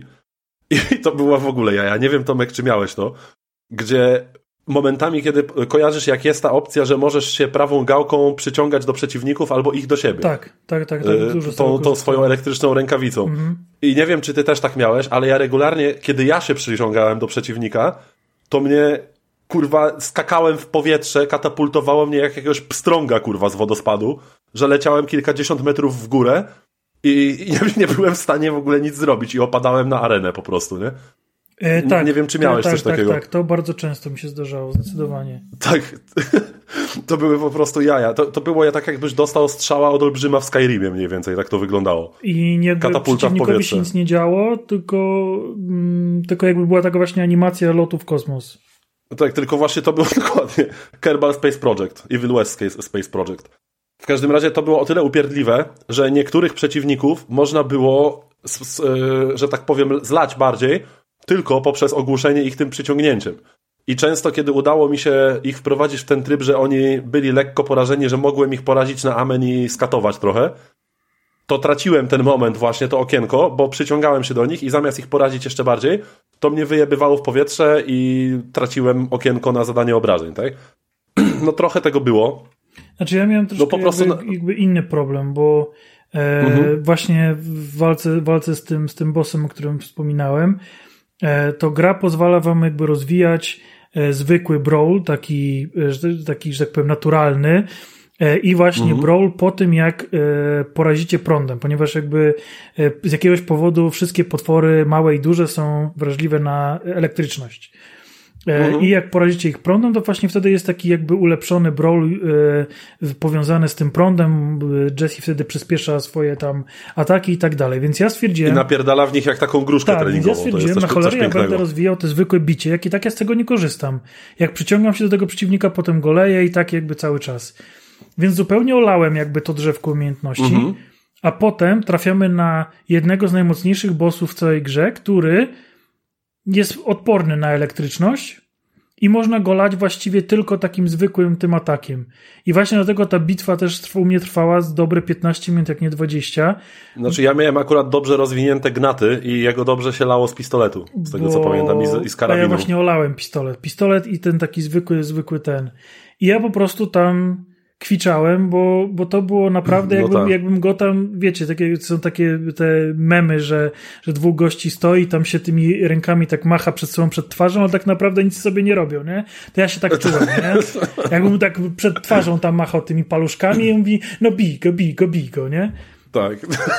Kurde. Zgadza się. Tak, no było parę takich kwiatków niestety, ale w ogólnym rozrachunku to naprawdę przyjemnie się walczyło. A w ogóle ciekawie rozwiązane, chociaż to można jako wadę i zaletę w sumie to potraktować, bo ja miałem dość mieszane uczucia co do tego, bo mm, kojarzysz na pewno, że zazwyczaj w większości gier jakieś specjalne ruchy egzekwuje się poprzez po prostu naciskanie przycisków. A tutaj często, często gęsto były ataki, które się wywoływało na przykład pociągnięciem gałki analogowej w którąś stronę. Tak, tak, tak. Że musiałeś go wyrzucić na Tak. przykład w powietrze i tak jakby ściągnąć go na dół pierdolnięciem o glebę, pociągając gałkę do siebie. Znaczy ja ogólnie, a nie przyciskiem, ja tylko że właśnie bardzo niejasne były dla mnie w tych opisach, nie wiem czy zwróciłeś na to uwagę, w opisach niektórych umiejętności ja nie do końca wiedziałem, co mam zrobić, żeby wyegzekwować konkretny ruch i w sumie przez wiele, wiele godzin tej gry trochę po omacku egzekwowałem niektóre ruchy. To nie wiem, czy odczułeś drogą. też nie, to w nie, taki ja sposób. miałem to samo, ale e, też e, jakby to właśnie przez to na przykład po pierwszej godzinie grania ja musiałem sobie zrobić przerwę, bo mięśnie moich dłoni nie były zupełnie przystosowane do tego. Mnie tak napierdzielały ręce, ja naprawdę Tak, bo tam się strasznie dużo macha kciukiem, nie? sporo, sporo naprawdę gram, a, a, a nie pamiętam sytuacji, w której bolały mnie ręce od grania na padzie. A tutaj naprawdę musiałem sobie robić takie dłuższe przerwy czasami od grania, siedząc nadal przed, przed, jakby przed tą grą, żeby rozprostować gdzieś tam te ręce, żeby one mi wróciły do normalności, bo to naprawdę Tak, po bez prostu kitu, to fizycznie była- bolało. To była jedyna, chyba- nie wiem, czy kiedykolwiek miałem grę, która byłaby tak kondycyjna dla ręki, nie? Tak, tak, tak. tak Aczkolwiek to zdecydowanie. nawet fajne. Ale no, je- jest to coś, na co, na co na pewno warto zwrócić uwagę, bo e, wydaje mi się, że dla osoby, e, która ma powiedzmy troszkę gorsze rozegranie na padzie, to może być trudny tytuł. Będzie ciężko, tak, tak, tak, tak. On ogólnie nie należy do najłatwiejszych, to nie jest łatwa gra według mnie. Nie, ale, ale, A- ale nie, jest to, nie jest to też poziom jakichś tam hardkorów, nie? E, Mhm, tak, tak. Znaczy według mnie jest dobrze wyważona pod Tak. kątem poziomu trudności, aczkolwiek miała parę takich skoków dziwnych, nagłych, Tak, nie? tak, tak, to ja też tak. że się miałem. utykało na jakiejś arenie, bo po prostu był absolutny rozpierdol jakiś tam. Że trzech minibossów, trzech średnich minibossów Ale i to do była tego też kwestia planowania. mięsa armatniego. To była też kwestia Tak. planowania i jakby e, skumania, co najlepiej działa na każdego bossa i też e, s- zrobienia sobie takich priorytetów. Kogo powinienem Tak, tak, tak. ubić w pierwszej kolejności, nie? Więc to jest, Zgadza więc się. to bardziej jest na takiej zasadzie na, dla mnie jakby planowania niż, niż faktycznej trudności. Tak i całkiem fajnie wychodziło właśnie w takich, nawet w takim totalnym chaosie, o dziwo, dość dobrze wychodziło właśnie łączenie, przynajmniej u mnie, strzelania i łączenia tych ataków yy, piąchą. Bo ja na przykład rozwinąłem sobie na maksa yy, taki ten karabin, tego Winchestera takiego, no, to nie? ja też. On na koniec, jak napierdala ładowanym strzałem, no to jest mocarz. Nie, to było dobre. To, ja, to, jest, ja też tego to, używałem. to jest kod. Jeszcze tam była taka umiejętność, że po uderzeniu parę razy kogoś można było go jakoś detonować strzałem. Były Tak. takie jakieś śmieszne, tak, tak, śmieszne tak, akcje. Y, Do tego jakieś tam fajne te, y, te ulty, że tak powiem, wchodziły, y, gdzie można było tak skakać i napierdalać pięścią w ziemię. Można było dodać do tego do, kolejne dodatkowe ataki i tak skakać właśnie. jak taki goryl. Bo, No, no. Trochę zmienię temat drastycznie, ale Mhm. mm, coś mi się przypomniało a propos, a propos rozwijania broni. Bo tam w skrzynkach można znajdywać jakby skórki dla broni, nie? Abstrahując Tak. od rozbudowania tej, tej, tej, tej, tej broni, która ostatecznie każda z nich wyglądała jak e, karabin Gaussa, e, to były jeszcze takie Tak. skórki. I ja, mówiąc szczerze, nie widziałem absolutnie żadnej różnicy w tych skórkach. Jakby była jakaś tam zmiana kosmetyczna, ale ta, ta postać była tak Kolor ciemna, się tylko zmieniał. że to Tak. kompletnie jakby dla mnie nie było w ogóle widoczne. Natomiast z kolei te każda rozbudowa broni, o, jakby na kolejny poziom, to już Tak, było było ewidentnie widać. widoczne. Że jakby taki, Tak, taki tak, tak. dysonans, że, że z jednej strony mamy jakąś tam kosmetykę, która w ogóle niczego nie zmienia, a z drugiej strony naprawdę przyłożyli się do, do designu tych, e, tych pukawek. Tak, tak, tak. Nie, w ogóle swoją drogą projekt tych broni to jest rewelacja. Jakby one były tak zajebiście pomyślane, te, te brońki. One przypominały takie realne gnaty. Na przykład ja się zakochałem osobiście w... Czekaj, co to było? Yy, to był taki... Dostawało się taki karabin Gatlinga w pewnym Tak, tak, momencie. tak, na, no, na koniec. To też było coś pięknego. Było parę fajnych broniek. Mm. No ale tak, no taka to jest właśnie gra. Szukałem też jakichś rewelacji, jeśli chodzi o zachowanie DualSense'a, ale jedyne, co zwróciło moją większą uwagę, to że był coraz większy opór spustu, jak się pozbywałeś amunicji z magazynka. Że coraz ciężej się naciskało spust, jak miałeś coraz mniej amunicji. No ale to nic nadzwyczajnego. Ogólnie trochę ciężko mi oceniać tę grę, bo trudno mi się nią zachwycać z jednej strony, bo prawie na każdym kroku mnie denerwowały jakieś takie babole albo dziwaczności i trochę ponarzekałem, ale z drugiej strony nie potrafię być dla niej surowy, dla tej gry, bo ostatecznie bawiłem się klepiąc mordy i strzelając w akompaniamencie eksplozji, juchy i ognia. Naprawdę zajebiście się bawiłem. Znaczy ja uważam, że być- w tej no, no. cenie, w której ona jest jakby domyślnie, nie, nie Tak, zgadza się. że dostajemy faktycznie produkt warty tyle, ile, na ile ona jest wyceniona.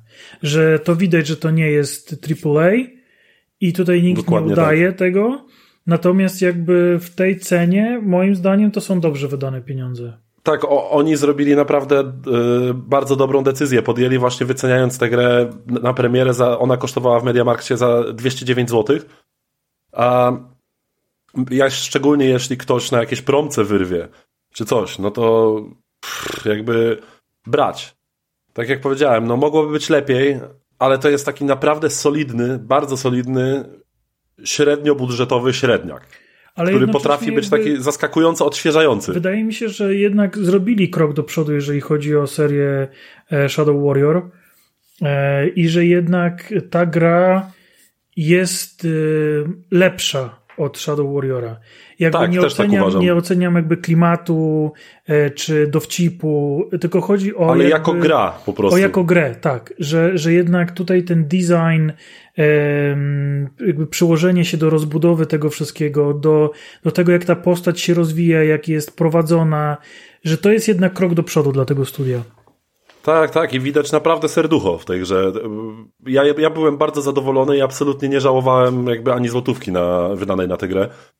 I tak jak powiedziałem, no jeśli komuś brakuje takiej liniowej napierdalanki, mięska i rozpierdzielu, albo potrzebuje jakiegoś łagodnego klina po Ragnaroku na przykład, e, to można śmiało brać i się dobrze bawić przez te powiedzmy tam, nie wiem, 10-15 godzin. E, To jest w tej grze taka długość według mnie w sam raz, żeby się nie zdążyć znużyć tą grą. Jak najbardziej warto sprawdzić, szczególnie, że tak jak wspomniałem, nówka kosztuje około 200 na konsolach, więc jak na dzisiejsze standardy to niemalże za darmo praktycznie. E, A jak się uda wyrwać na jakiejś właśnie dobrej prące, to nic tylko brać i się nie bać i wampiry napierdalać, aż miło. Chcesz coś dodać, Tomek, jeszcze? Coś masz Nie, nie, jeszcze? myślę, że, że wszystko z mojej strony. No i dobra, to był właśnie Evil West. E, Bardzo, jak najbardziej warty tytuł e, sprawdzenia, więc polecamy z naszej strony. I o dziwo, dużo lepiej mi się w tę grę grało po blancie. To jest, to jest interesująca kwestia. Może zmięk, zmiękczyło mnie trochę i łatwiej mi było egzekwować te dziwne ruchy niektóre. E, W każdym razie tak, to był jeden z takich troszkę większych tytułów, które graliśmy. E, powiedz mi, Rafał, czy ty dzisiaj coś masz w ogóle? Czy ty się jakby tak Nie no, ja się do Hogwartu podpinam. podpinasz się do Hogwartu? No dobra, I, i, i, idźmy z nim, e, Mikołaj. dokładnie. Idziemy z nim. Słuchajcie. Tak jak się zapytałem na samym początku.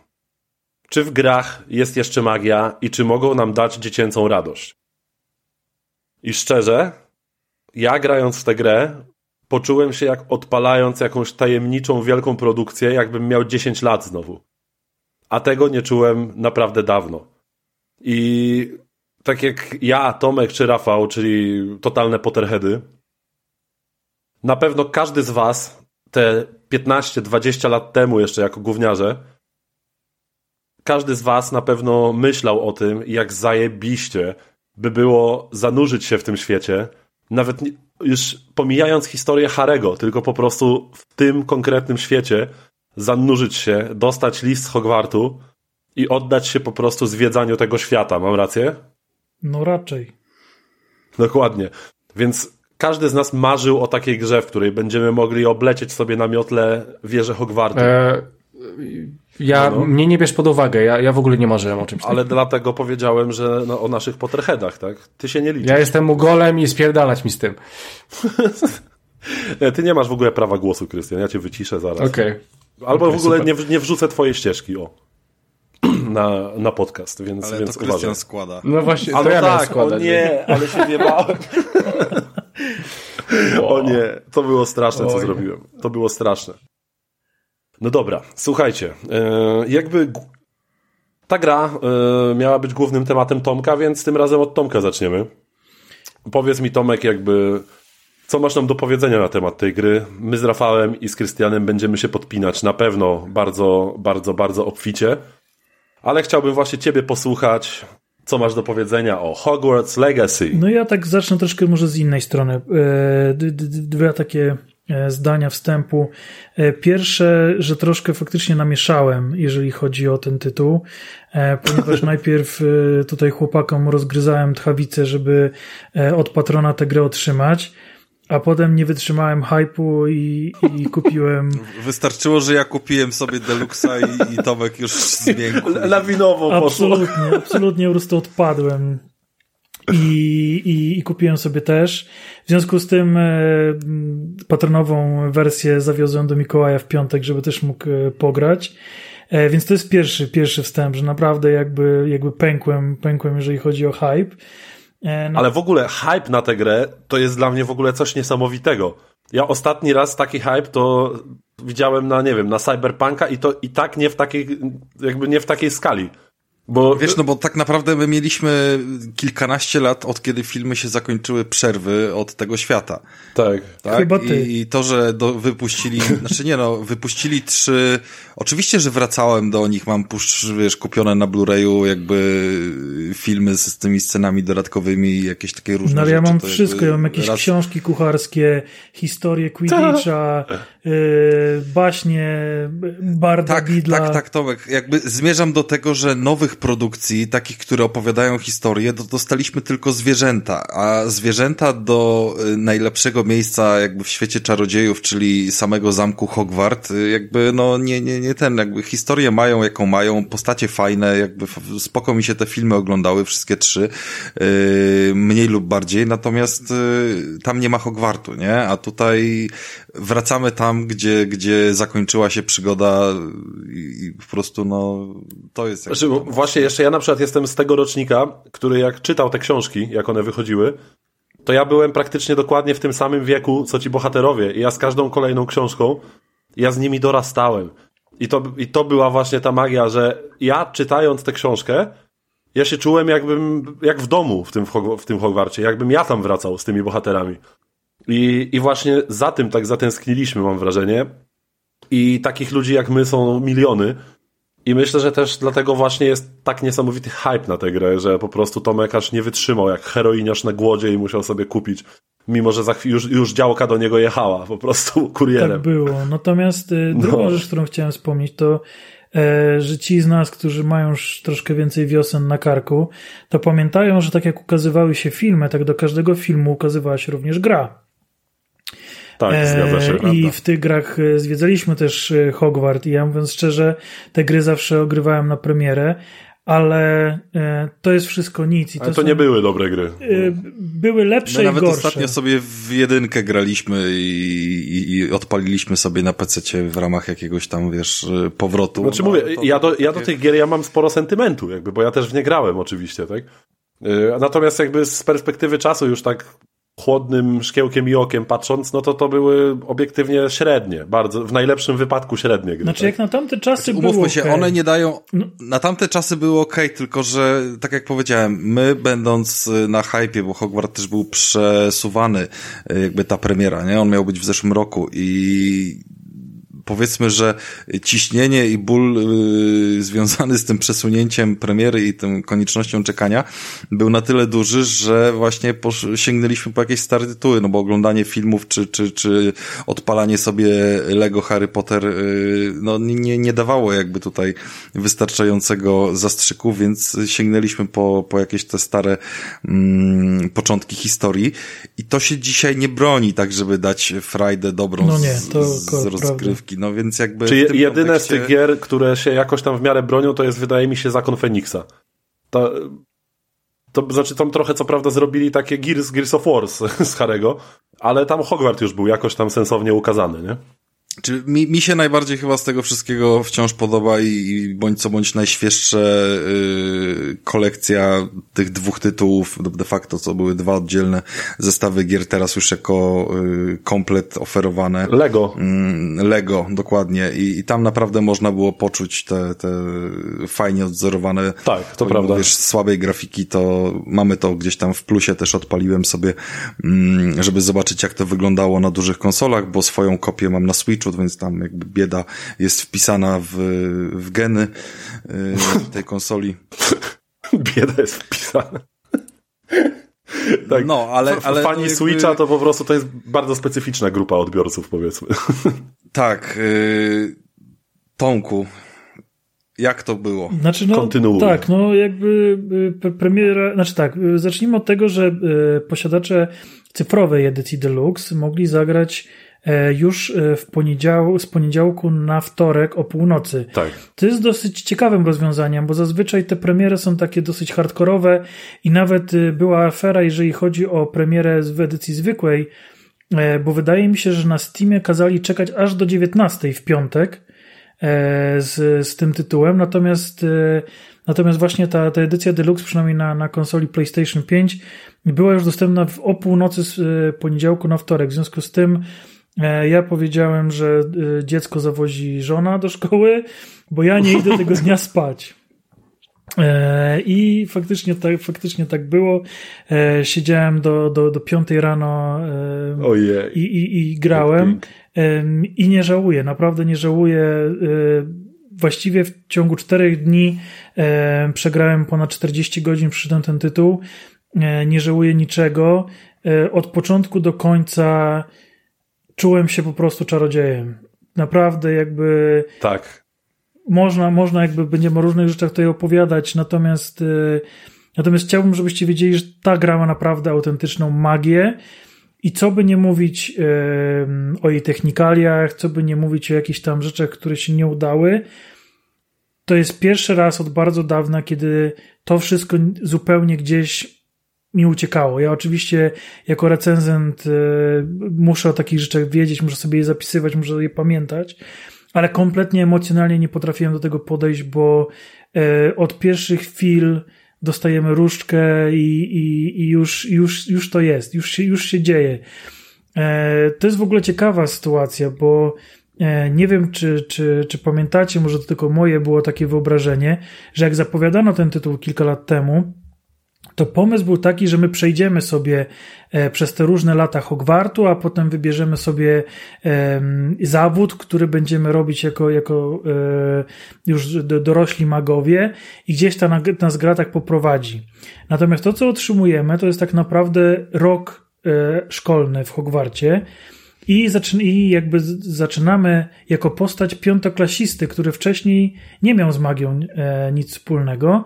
Natomiast teraz. Ale o, objawiły się u niego właśnie yy, tak. umiejętności wi- widzenia starożytnej magii. I Ale cała ta magia za, zarys fabularny. Później. Bo jak no, no. wiecie, jeżeli oczywiście jesteście fanami jakby serii, to Wiecie, że każdy czarodziej objawia swoje jakby magiczne zdolności w wieku lat 11 i wtedy też z automatu dostaje list z Hogwartu. Nasza postać takiego uh -huh. listu nie dostała, dostała go dużo później. W związku z tym... To ona ogólnie z pochodzenia jest gdzie indziej i tak, tam jakaś inna szkoła. Tak, tak. W związku z tym też jakby mamy zupełnie inne traktowanie. e, skoro jesteśmy eskortowani przez profesora e, z Hogwartu. I przez kogoś z Ministerstwa Magii. Tak, niż, niż podróżujemy po prostu Hogwart Expressem. I też jako ci piątoklasiści będziemy siadać na krzesełku i przywdziewać tiarę przydziału, żeby wiedzieć, do jakiego domu trafimy. To wszystko mogliśmy zrobić wcześniej, to znaczy przydzielić sobie dom e, w quizie na stronie Wizarding World, e, czyli oficjalnym takim serwisie powiązanym ze wszystkim, co z Harrym Potterem związane. E, mogliśmy przydzielić właśnie sobie dom. Na podstawie tych odpowiedzi również wybierana była dla nas różdżka oraz zaklęcie Patronus, w sensie jakie zwierzę będzie naszym patronusem, będzie nas bronić przed dementorami. I te wybory są przenoszone do gry, jeżeli je zrobiliście. Jeżeli nie, to. Tak, trzeba się zalogować na konto po tak. prostu. Jeżeli nie, to y, te, te, ten quiz y, będziecie przechodzić już w grze. Ale nic nie stoi na przeszkodzie, żebyście powiedzieli: No spoko, spoko, ale nie podobają mi się te wybory. E, ponieważ ja jestem zatwardziałym Hufflepuffem, E, od wielu, wielu lat we wszystkich internetowych quizach zawsze mi ten Hufflepuff wychodził. No i nie czarujmy się, tak? Jak byłem młodszy, to mi to przeszkadzało. Wszyscy chcieli być w Gryffindorze i był Gryffindor najlepszy. Ale jakoś e, zaakceptowałem ten fakt, że, że, że nie należę do e, czerwonych, tylko do żółtych. I kiedy właśnie już jakby się pogodziłem z tym Hufflepuffem, wytatuowałem sobie borsuka na ręku, to mi tutaj oryginalny ten quiz tego Wizarding World mówi, nie Tomasz, ty jesteś Gryffindorem. Ja mówię, no chyba cię pojebało, nie? No jak to? Jak to? To, to ja tyle tak lat tutaj się zbieram sobie na wyznanie, e, że jestem kurde Hufflepuffem, a wy mi tutaj jak, Ale, jakiś e, Gryffindor? Ja, ja tylko się ja tylko się wtrącę, Tomku, że znalazłbyś dobrego tatuatora, który by ci zmienił tego borsuka. Ale ja nie chcę, na, na bo ja prostu... zdecydowanie wolę borsuka. Bo borsuki to są straszne skurwysyny no, jako okay, zwierzęta. One tylko tak słodko wyglądają i to mi się strasznie Mówisz podobało. Identyfikujesz się? Zdecydowanie, tak. Że z mordki taki całkiem sympatyczny, ale jak trzeba, to tchawicę przegryzie. Taki, o, o, dokładnie tak. No, więc ja e, powiedziałem e, właśnie, bardzo się ucieszyłem też na tą opcję, że możemy jakby powiedzieć e, nie dziękuję. I Tiarze przydziału powiedziałem, no dobra, dzięki za ten Gryffindor, ale ja bym chciał jednak do Hufflepuffu. I jak się okazuje, tak. całkiem nieźle na tym wyszedłem, ponieważ jako jedyny dom Hufflepuff trafia do Azkabanu. Co ty mówisz? Dum, dum, dum. Tak. Jedynie gracze, którzy są w Hufflepuffie, mają misję e, główną, która kieruje nasze kroki do Azkabanu. Odwiedzamy Azkaban i tam przesłuchujemy więźnia. Ha. To ciekawe. Ale właśnie, bo wspomniałem. Nie spoileruj, nie spoileruj. Nie, nie, wspomniałem Uwaga, tylko o tym ostrożnie. patronusie, nie? Że, że właśnie wybieramy e, dom, różdżkę i patronusa, i e, tak dom, jak i różdżkę możemy sobie właśnie później dostosować już do własnych preferencji, pomimo tego, co e, ten quiz nam jakby sugeruje. Tak, jeżeli chodzi o patronusa, to ten czar niestety się nie pojawia w grze. E, właśnie jako Hufflepuff możemy raz go tylko zaobserwować w tym Azkabanie, ale sami nie nauczymy się tego zaklęcia. Mhm. No bo właściwie nie mamy za bardzo do czynienia z dementorami w, w grze. To prawda. Tak. Nie ma jeszcze dementorów. Nie. E, w każdym razie, e, a powiedz mi Tomek, jaką różdżkę masz w ogóle? Ja wybrałem sobie jakoś, nie wiem czemu, ubzdurało mi się, że bardzo chciałem mieć taką białą różdżkę. E, więc mam e, różdżkę z, z białego e, drzewa wiśni, 9,3 czwarte cala z piórem Feniksa w środku, jako rdzeń. Tomek, a powiedz mi, czy faktycznie wybory tych różdżek, bo ty na pewno tych wszystkie technikalia znasz na wylot, yy, kwestia jej długości, elastyczności i, i, i ogólnie jakby tych, yy, bo wiem, że wybór yy, rdzenia faktycznie na coś tam niby ma wpływ, ale te pozostałe parametry yy, w jakikolwiek sposób wpływają. To jest raczej kosmetyka. Późniejsze rzucanie czarów? Znaczy, jeżeli chodzi ogólnie o yy, samą jakby yy, lore E, że tak powiem, Harry'ego Pottera, e, to te rzeczy mają znaczenie. Głównie jeżeli chodzi o sposób, w jakim postacie władają e, różdżkami.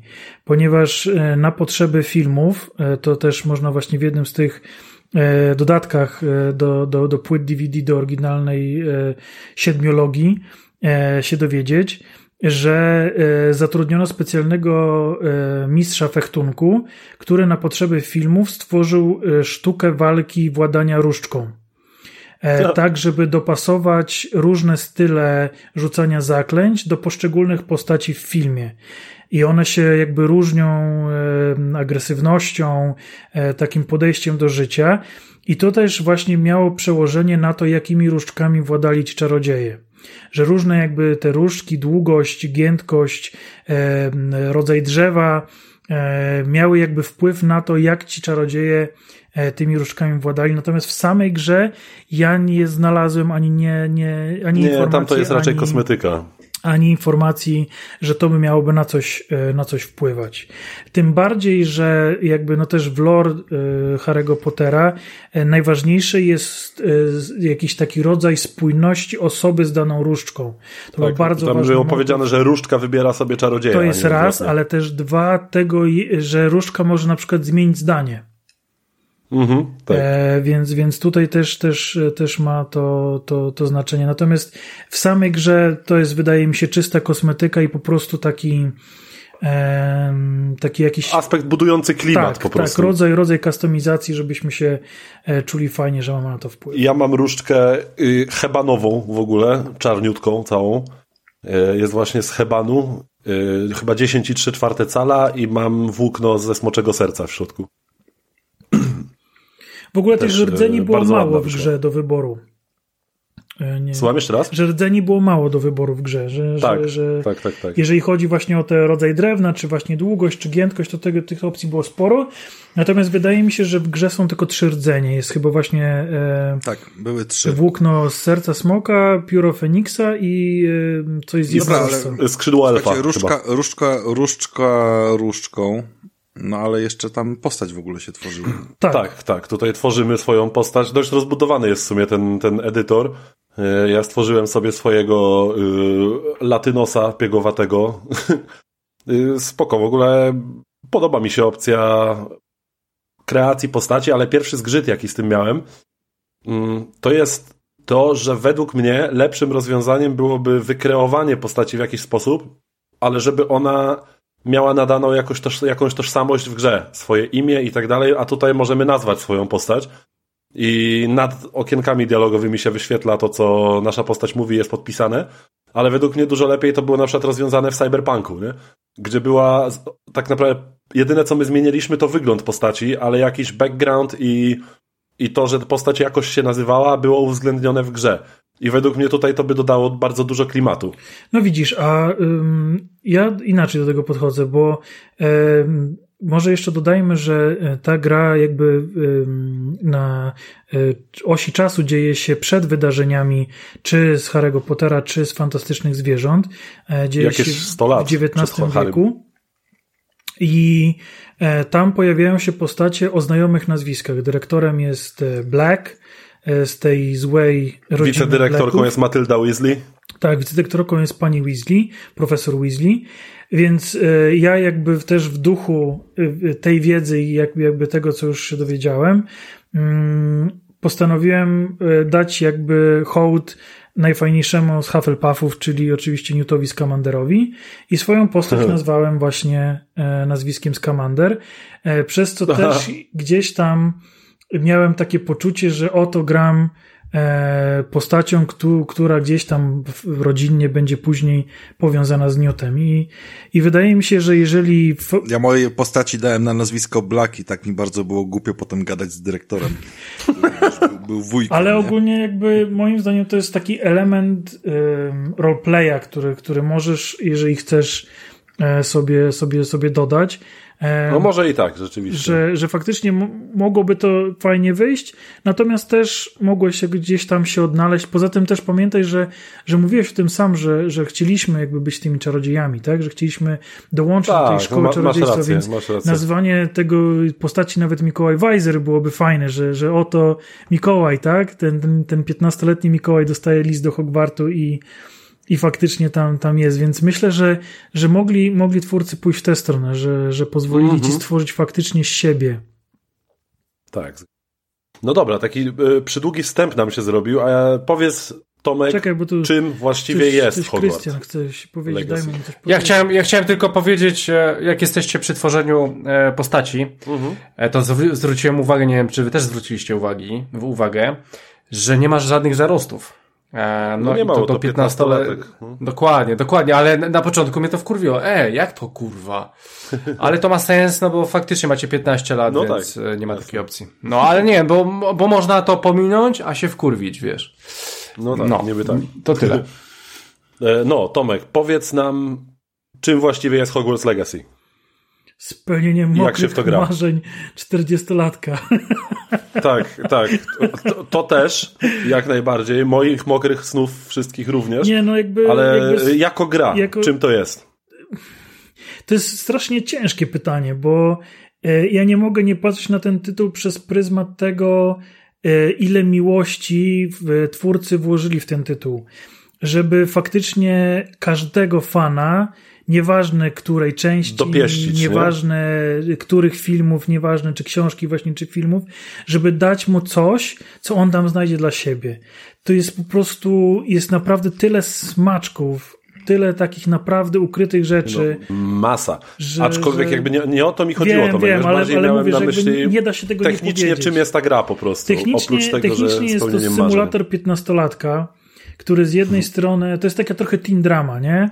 trochę taki Riverdale, tak. że z jednej strony chodzicie do szkoły, e, macie lekcje o puszkach, e, o kruszkach, którym się da, nie wiem, czyści się magiczną szczotką e, sierść i daje suchej karmy, a za chwilę idziecie właściwie w pojedynkę mm, walczyć z goblinami podczas wielkiej rewolucji goblinów. E, tak. I są motywy właśnie takie, że e, no tu e, zasać mandragorę, przysyp ją ziemią, uważaj na uszy, bo jak ją wyjmiesz, to będzie krzyczeć. A za chwilę jest, dobra, to ja jestem tutaj wielkim starym profesorem z, z 60-letnim tam doświadczeniem, ale ty to zrobisz lepiej, ja teraz muszę iść tam porozmawiać sobie tam z kolegą, a ty tam ich tam załatw wszystkich, nie? Więc, y, więc to jest właśnie, wydaje mi się, że teen drama to jest najlepsze określenie, e, zwłaszcza taka współczesna teen drama, e, że, że, no że mamy taki... jest też RPG-iem jednak. Tak, no ale, ale mamy ten taki rozłam, że musimy jednak wziąć pod uwagę to, że granie zawsze traktuje nas tak, jak, jak na nastolatka przystało że traktują nas tam bardzo no, dorośle jako, jako... bo to jest taki w, dysonans ludonarracyjny lekki, bo no jakby ze względu na gameplay, tak? Musieli to jakoś Umówmy rozwiązać. się, że w pewien sposób jest to tłumaczone tym, tak. co powiedział Mikołaj, tą starożytną mm, magią i rzadką umiejętnością, bo... Tak, no, że nie oszukujmy się... Ten wir wydarzeń w ogóle cały, tak? Dokładnie, że nasza postać jest jednak bardziej kompetentna niż 99% uczniów z tej szkoły, tak? Nie, no wychodzi na to, że jest bardziej kompetentna niż cała kadra profesorska Hogwartu. to też prawda. Więc no tak, jakby... tak, ale oni nie mają dostępu do starożytnej magii, więc jakby rozumiesz. No tak, tak, tak. Natomiast, natomiast no, trzeba to wziąć pod uwagę i jakby przymknąć na to trochę oko. No ale jest to dosłownie symulator czarodzieja i to symulator czarodzieja w fantastycznym świecie z fantastycznymi zwierzętami, które są bardzo mocnym, jasnym punktem tej produkcji. E, tak, one są cudownie animowane w ogóle. No, ale w ogóle I sama to, możliwość tego, że można pogłaskać kota, który się kręci po korytarzu. I, I tych kotów jest tam dużo w ogóle. W na PlayStation tak, 5 mruczy on wam mruczy do tak. łóżka i to dos dosłownie tak, jak mruczą moje koty, nie? Że, że, tak. że jak właśnie podchodziłem do tych moje kotów... Moje koty reagują na to Moje mruczenie. też, że takie zaraz jest mhm. ten, więc to jest, to jest w ogóle niesamowite. Tych zwierząt jest y, kilkanaście. Wydaje mi się, że jedenaście rodzajów. Mikołaj, ty masz już pokój życzeń? Tak, tak, tak, tak, oczywiście. Jest chyba 11 rodzajów, które możemy hodować i, i możemy nawet je sobie rozmnażać. I dzięki temu tak, możemy tak. mieć na przykład małego puszka, albo małego jednorożca, albo małego testrala.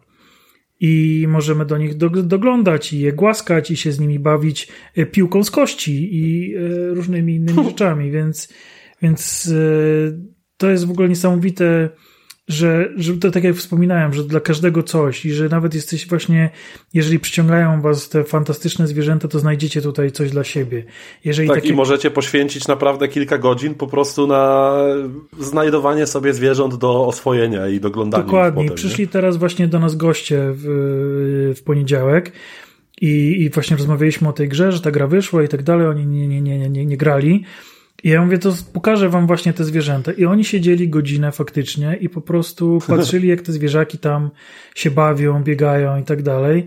I to było naprawdę niesamowite, że, że, że, że właśnie coś takiego, coś takiego jest. E, no mamy też oczywiście magię. Mamy, mamy 20, e, ja naliczyłem 27, gdzieś tam widziałem 26. 26 zaklęć chyba jest. E, zaklęć, tak.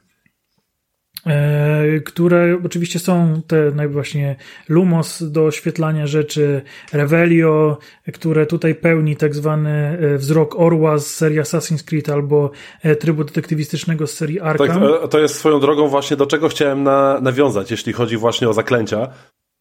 Co jest według mnie niesamowitą siłą tej gry, że właśnie ta magia, te zaklęcia, one nam towarzyszą na absolutnie każdym kroku. Że nawet takie, nie, nie wiem czy zauważyłeś, takie pierdołowate Y, aktywności typu, że możemy podejść i machnąć różdżką i rozrąbać pieniek latającą tak. siekierą po prostu, która gdzieś tam stoi. Nie? Tak, albo zaczarować I, młotek. I to jak oni, to jak twórcom się udało zakotwiczyć wszelakie takie czynności, które e, w innych open worldach są takie dość mechaniczne i po prostu wykonujemy je po prostu niemalże z automatu, to tutaj wręcz jakby dla mnie do rangi sztuki wyniesiono robienie zwykłego open worlda, ale wszystkie aktywności, które wykonujemy, są tak doskonale zakotwiczone w tym świecie, że zawsze używamy tych zaklęć, że większość zaklęć możemy użyć na przykład i w walce, i do manipulowania w jakiś sposób obiektami.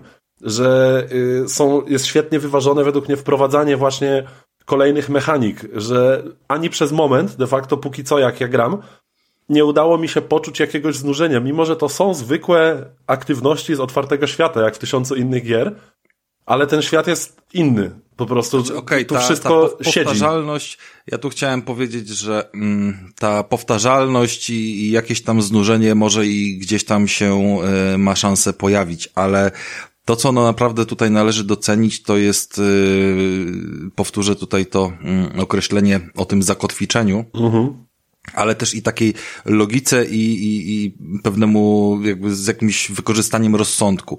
Mamy mm, sporo różnego rodzaju zagadek e, środowiskowych i, i, i nie mam tutaj na myśli y, jakichś tam konkretnych łamigłówek, tylko, tylko po prostu takie, które wynikają mm, z tego, że nas jakaś postać tam zaczepia i mówi, e, słuchaj, tu się coś dzieje, jak e, zapalasz różdżkę, tylko tyle mi się udało rozkminić, może tobie się uda rozkminić coś więcej, nie? Czyli rzucamy klasyczne lumos i, i, i nam tam, wiecie, na obrazku się coś pokazuje, prosta łamigłówka, że obrazek pokazuje nam fragment zamku i jeżeli po prostu ten fragment zamku znajdziemy, będziemy w nim, to nam przyleci ćma Albo znaczy najczęściej musimy znaleźć tę ćmę, żeby w ogóle ona złapała to światło, nie? Znaczy nie chodzi o, no jeżeli ustawisz się w miejscu, z którego zostało niejako zrobione te zdjęcie, ten namalowany obraz, mm -hmm. to ta ćma tam siedzi, tak? I jeżeli idziesz z tym lumosem cały czas odpalonym, to ona po prostu przyleci do tego światła. Jakby, wiesz, logika taka prosta, bym, bym rzekł, taka pierwotna tego, że po prostu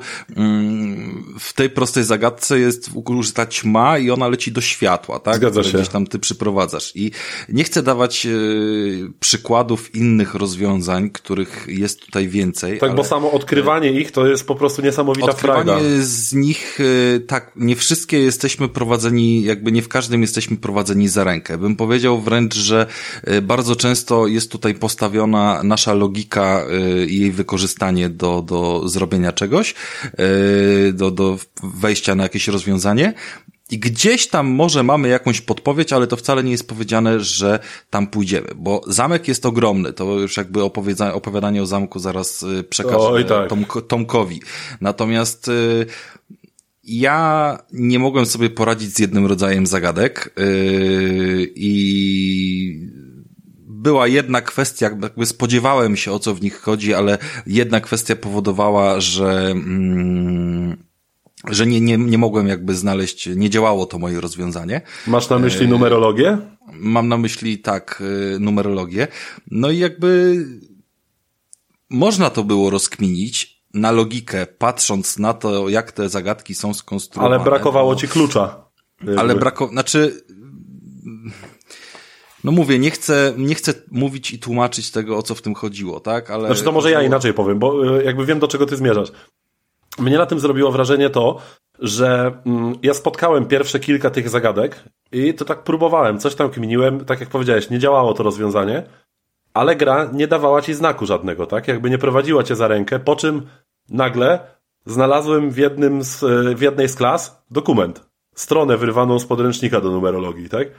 I nagle mam takie, wow, to będzie na bank do tamtych rzeczy, tak? No doprawdy, oczywiście, że tak. Gra mi, tego ta... nie, gra mi tego nie powiedziała oficjalnie, że zajrzyj do tej strony, żeby rozwiązać tę zagadkę. Znaczy, tak? przede, wszystkim, przede wszystkim mm, gra fabularnie nie poprowadziła nas na żadne zajęcia z numerologii. Tak. I ta sala w ogóle nie była w żaden sposób oznaczona, a jest ona schowana w takim miejscu, bym rzekł, nie, ciężko tam trafić, jakby trzeba już zacząć eksplorować jakby metr po metrze ten zamek, żeby tam trafić, nie? Tak, to prawda. Mm, natomiast chciałem powiedzieć, że ja wcześniej to rozkminiłem, zanim znalazłem tą notatkę, dlatego że tam logika dalej była ujęta. Trzeba było tylko znowu stać się jakby dzieckiem, które patrzy na to w sposób, yy, wiecie, mm, prosty, a nie szuka rozwiązania skopiowanego z innych, yy, z innych gier, nie?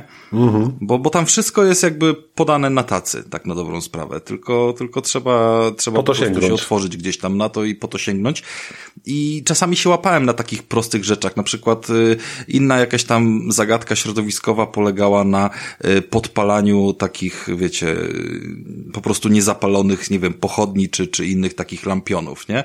A, to mówisz o tych rozsianych no po i, świecie, tych roślinnych i, takich, tak? Nie, nie, nie, nie mówię nie, o tych, nie zamku, mówię o tych. Chodzi o te, które były w zamku. Takie jakby misy no ze smokiem.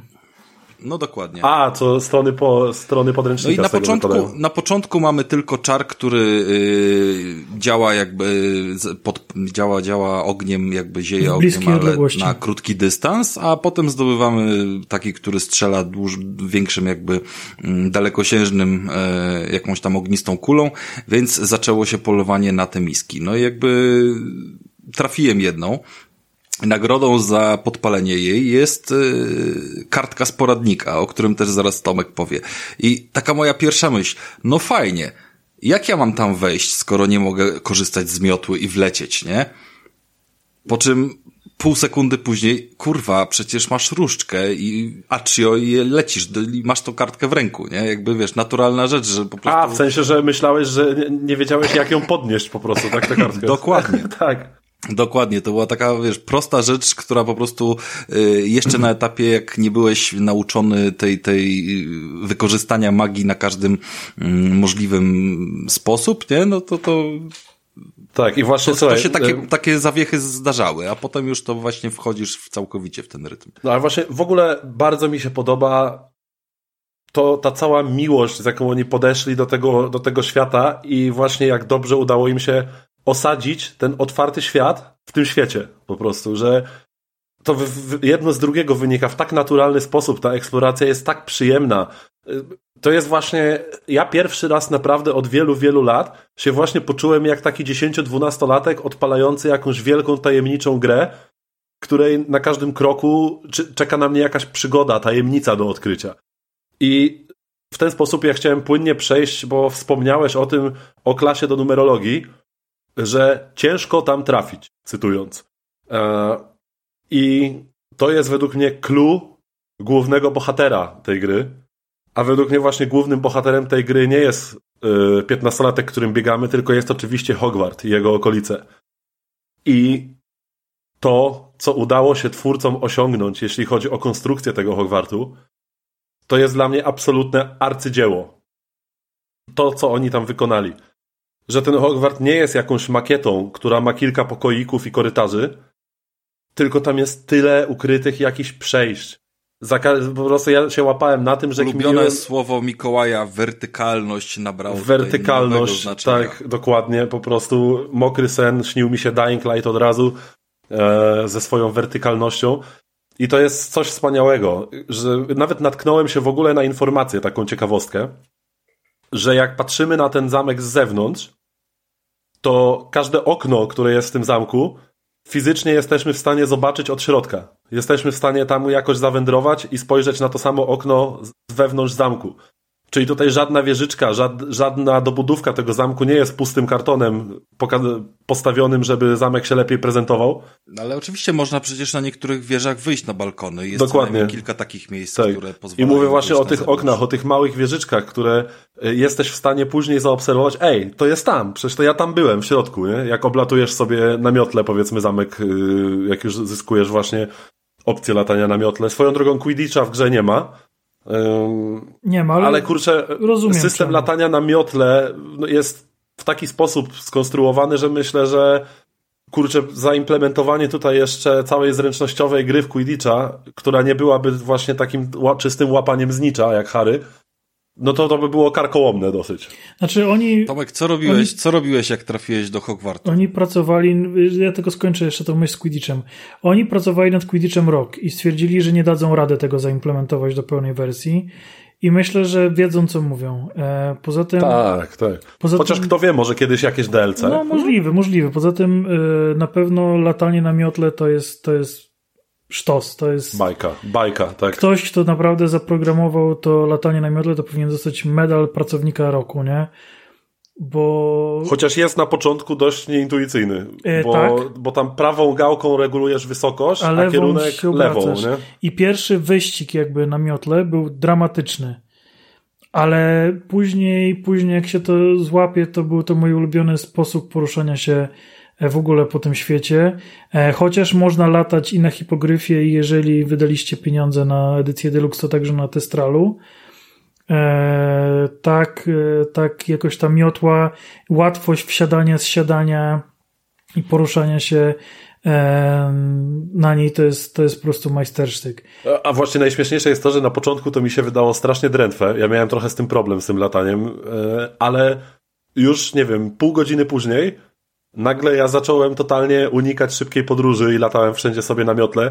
E, I co jest piękne, że ta gra z jednej strony chciałem jak najwięcej ograć tutaj teraz, żeby móc te recenzje jakoś w miarę rzetelnie przeprowadzić, a z drugiej strony potrafiłem tracić czas na coś takiego, że ja zamiast się wszędzie teleportować tym proszkiem Few, bo swoją drogą właśnie, o, kolejna sytuacja, że szybka podróż to jest po prostu podróżujemy proszkiem Few, tak? to jest coś pięknego. I zacząłem tej szybkiej podróży w sumie unikać.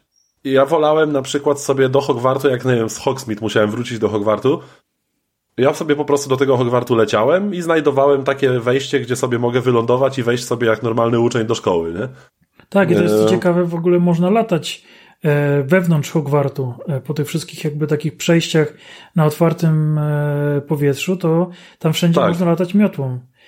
E, dlatego nie rozumiem też w sumie, czemu e, jest strefa zakazu lotu miotłą e, w samym Hogsmeade. W Hogsmeade, no. Bo, też trochę tego nie rozumiem. Bo, bo, nie bardzo umiałem sobie to wytłumaczyć, natomiast sam Hogwart można, można oblecieć dookoła, wzdłuż, wszerz, nas skroś i z każdej strony, więc to jest niesamowite. Natomiast Rafał zadał pytanie, co zrobiłem najpierw. I ja najpierw chciałem dwie rzeczy. Pierwsza to jest jak najszybciej nauczyć się latać na miotle, a druga odblokować Alohomorę, czyli e, czar a do drogą, zamków. U, u mnie to nastąpiło dzisiaj, teraz jak grałem przed, przed podcastem, czyli gdzieś myślę w jakiejś 13-14 godzinie Bardzo gry. długo trzeba czekać na Alohomorę. Tak, e, Co tak. więcej, Alohomora ma trzy poziomy i chwilę zajmuje, żeby ten trzeci poziom wbić. A i to musicie jakby poświęcić temu e, zadaniu czas, bo jest wymagające i, i, i dosyć, dosyć takie e, triki, żeby, żeby to zrobić. Tak, tak, tak, tak. Ale sam, ale, ale samo ale latanie właśnie... na miotle było jakby moim priorytetem, bo e, bieganie tak nie do końca mi leżało. Bardzo chciałem już latać e, i to takie właściwie były, u mnie były takie właśnie rzeczy od do Czyli jak e, zacząłem grę, to chciałem jak najszybciej na miotle. Już latałem na miotle, dobra, to teraz bym polatał na tym hipogryfie.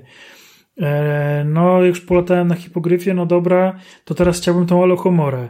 I to tak kolejne rzeczy, na które czekałem, aż do zaklęć niewybaczalnych, które nie poszło tak, jakbym chciał, żeby poszło. Ale słuchajcie, właśnie, wracamy do Hogwartu. Bo eksploracja tego, tego zamku to jest też rzecz, na którą, warto, nad którą się warto pochylić. E, bo idealnie według mnie jest w tej grze połączenie takiej własnej, swobodnej eksploracji, w której jesteśmy w stanie po prostu coś znaleźć poprzez zwiedzanie tego zamku. I ja się nauczyłem właśnie ciągle klikać te, jak chodziłem do jakiejś misji, klikać ten nasz przewodnik, że ta strona wylatuje i pokazuje nam kierunek, zamiast patrzenia na minimapę, bo ja wtedy wzrokowo zaczynałem ogarniać po prostu, gdzie jestem w tym zamku. I świetnie jest połączona właśnie taka własna organoleptyczna eksploracja namacalna z tym, jak tej eksploracji uczą cię poboczne zadania od różnych uczniów i nauczycieli. Yy, one pokazują ci po prostu różne aspekty tego zamku, to, gdzie, gdzie możesz pójść, co, co, co możesz albo powinieneś zrobić. Yy, I to jest świetne. Natomiast tak, akurat właśnie przy chodzeniu po zamku znaczy chciałem się. Ja jak technicznie. No, no. Chciałem o, powiedzieć... Urwało cię, Rafał, na chwilę. Nie, nie było cię słychać przez moment. No właśnie ciebie przerywało i się zastanawiałem, czy, czy słyszałeś moje wtrącenie. Hmm, chciałem powiedzieć, że tutaj kwestia nadrabiania tego naszego y, czteroletniego y, no, spóźnienia w dołączeniu do Hogwartu mhm. jest rozwiązana o tyle ciekawie, że dostajemy y, coś, co jest tam nazwane przewodnikiem. I tego przewodnika musimy, e, musimy z niego korzystać jakby w taki sposób, że zbieramy z niego kartki i to są takie notatki mówiące o rzeczach, które, mm, które przy których się znajdują. I tego jest od zajebania. Jest tego w zamku tam kilkadziesiąt sztuk, plus jeszcze po świecie trochę porozsiewanych. Nie, w samym Hogwarcie jest chyba 150. 150, tak. I w Hogsmeade jest no 70 i... i jeszcze kilkadziesiąt jest w całym otwartym świecie. No mówię, jest, jest tego dużo, natomiast y, większość z nich, znaczy może nie większość, ale duża naprawdę część z nich zawiera notatki, że to nie jest tylko kartka gdzieś tam do znalezienia, tak. tylko że możemy coś tam przeczytać sobie i mm, ona opisuje albo właśnie, że to jest jakiś tam sklep, albo to jest jakiś pomnik, albo to jest jakieś coś i mm, przez to się uczymy tych punktów charakterystycznych, które które mijamy, tak? Y, widzimy rzeczy, które na przykład y, są wspominane w książkach tylko raz, albo nigdy nie były wspomniane w filmie. Tak, a tutaj przykład... nagle one się okazują trochę takimi drogowskazami, że y, znalazłeś wcześniej tę kartkę, a później jakaś postać mówi, żebyś poszedł gdzieś tam i minął taki i taki posąg i ty masz sobie takie, a przecież tam kartkę znalazłem, nie? I, i, by, i była notatka o tym czymś to trochę tak działa w ten sposób, zależnie jak to sobie tam, wiecie, lubi i, i jak się powiedzmy rozeznaje w e, bieganiu korytarzowym, bo mm, do wielu miejsc można dojść na kilka sposobów. Ten zamek jest ze sobą połączony jakby wieloma przejściami i naprawdę jest e, piękną konstrukcją. Bardzo zresztą godnie odwzorowaną od, od jakby tego, co no tak, bo warto wspomnieć, że gra jest generalnie na licencji filmowej. Więc, y, więc Hogwart jest y, praktycznie żywcem przeniesiony z filmów Warnera. Tak, i bardzo łatwo można sobie właśnie. To, to było moje pytanie, Tomek, w kontekście, co zrobiłeś najpierw, w sensie, gdzie poszedłeś. I, i, i ja od razu, jak tylko miałem trochę wolnej jakby ręki, to pobiegłem sobie zobaczyć y, y, to miejsce, do którego mnie tam misja nie, za, nie poprowadziła na początku, tylko właśnie tu, tam, siam, gdzie można było, wiesz, y, rozpoznać kilka fajnych, mm, fajnych miejsc i się rozeznać, gdzie coś tam jest i gdzie to jest ułożone. I to dawało niesamowitą frajdę przez wiele godzin, zanim się gdzieś tam nie znaczy, rozeznaliśmy. Ja się złapałem A, w ogóle tak... na tym, że y, wiele miejsc, które chciałem odwiedzić, to o nich kompletnie zapomniałem w natłoku tego wszystkiego, co było do zrobienia, do zobaczenia, tak. do odwiedzenia. Bo ja na przykład bardzo późno trafiłem do tej, tej, tej, tej nie, nie stoczni, Boże, Boathouse Krystianie. A, tego do, doku. Tak, ja do Boathouse'u poleciałem na miotle od razu na samym początku, jak tylko miotła była dostępna na pierwszych zajęciach. Natomiast pamiętam i pierwszym miejscem, gdzie mnie tam nogi poprowadziły, to było randomowe jakby, nie? Bo, bo ciężko stwierdzić, że cokolwiek gdzieś było jakimś planem. Nie zaznaczyłem sobie żadnej ścieżki. Natomiast yy, to też ma taki jakiś śmieszny, w sumie może nie śmieszny, ale jakiś emocjonalny wydźwięk, dlatego że mm, moje pierwsze kroki tej właśnie nocy, jak, jak sobie tą deluxa odpaliliśmy po północy i zaczęło się swobodne bieganie, e, to trafiłem do wieży astronomicznej, e, która jest bardzo takim charakterystycznym miejscem, też ma podwójny poziom, gdzie można zejść sobie niżej i, i, i jakby pomiędzy, z pomiędzy desek no, nie chciałem tego mówić, bo wiecie, tutaj na przykład y, Krystian jest, y, no, w trakcie nadrabiania. Nieświadomy tego, co się tam dzieje, no ale nie, nie szalejmy, że to też dwudziestoletni...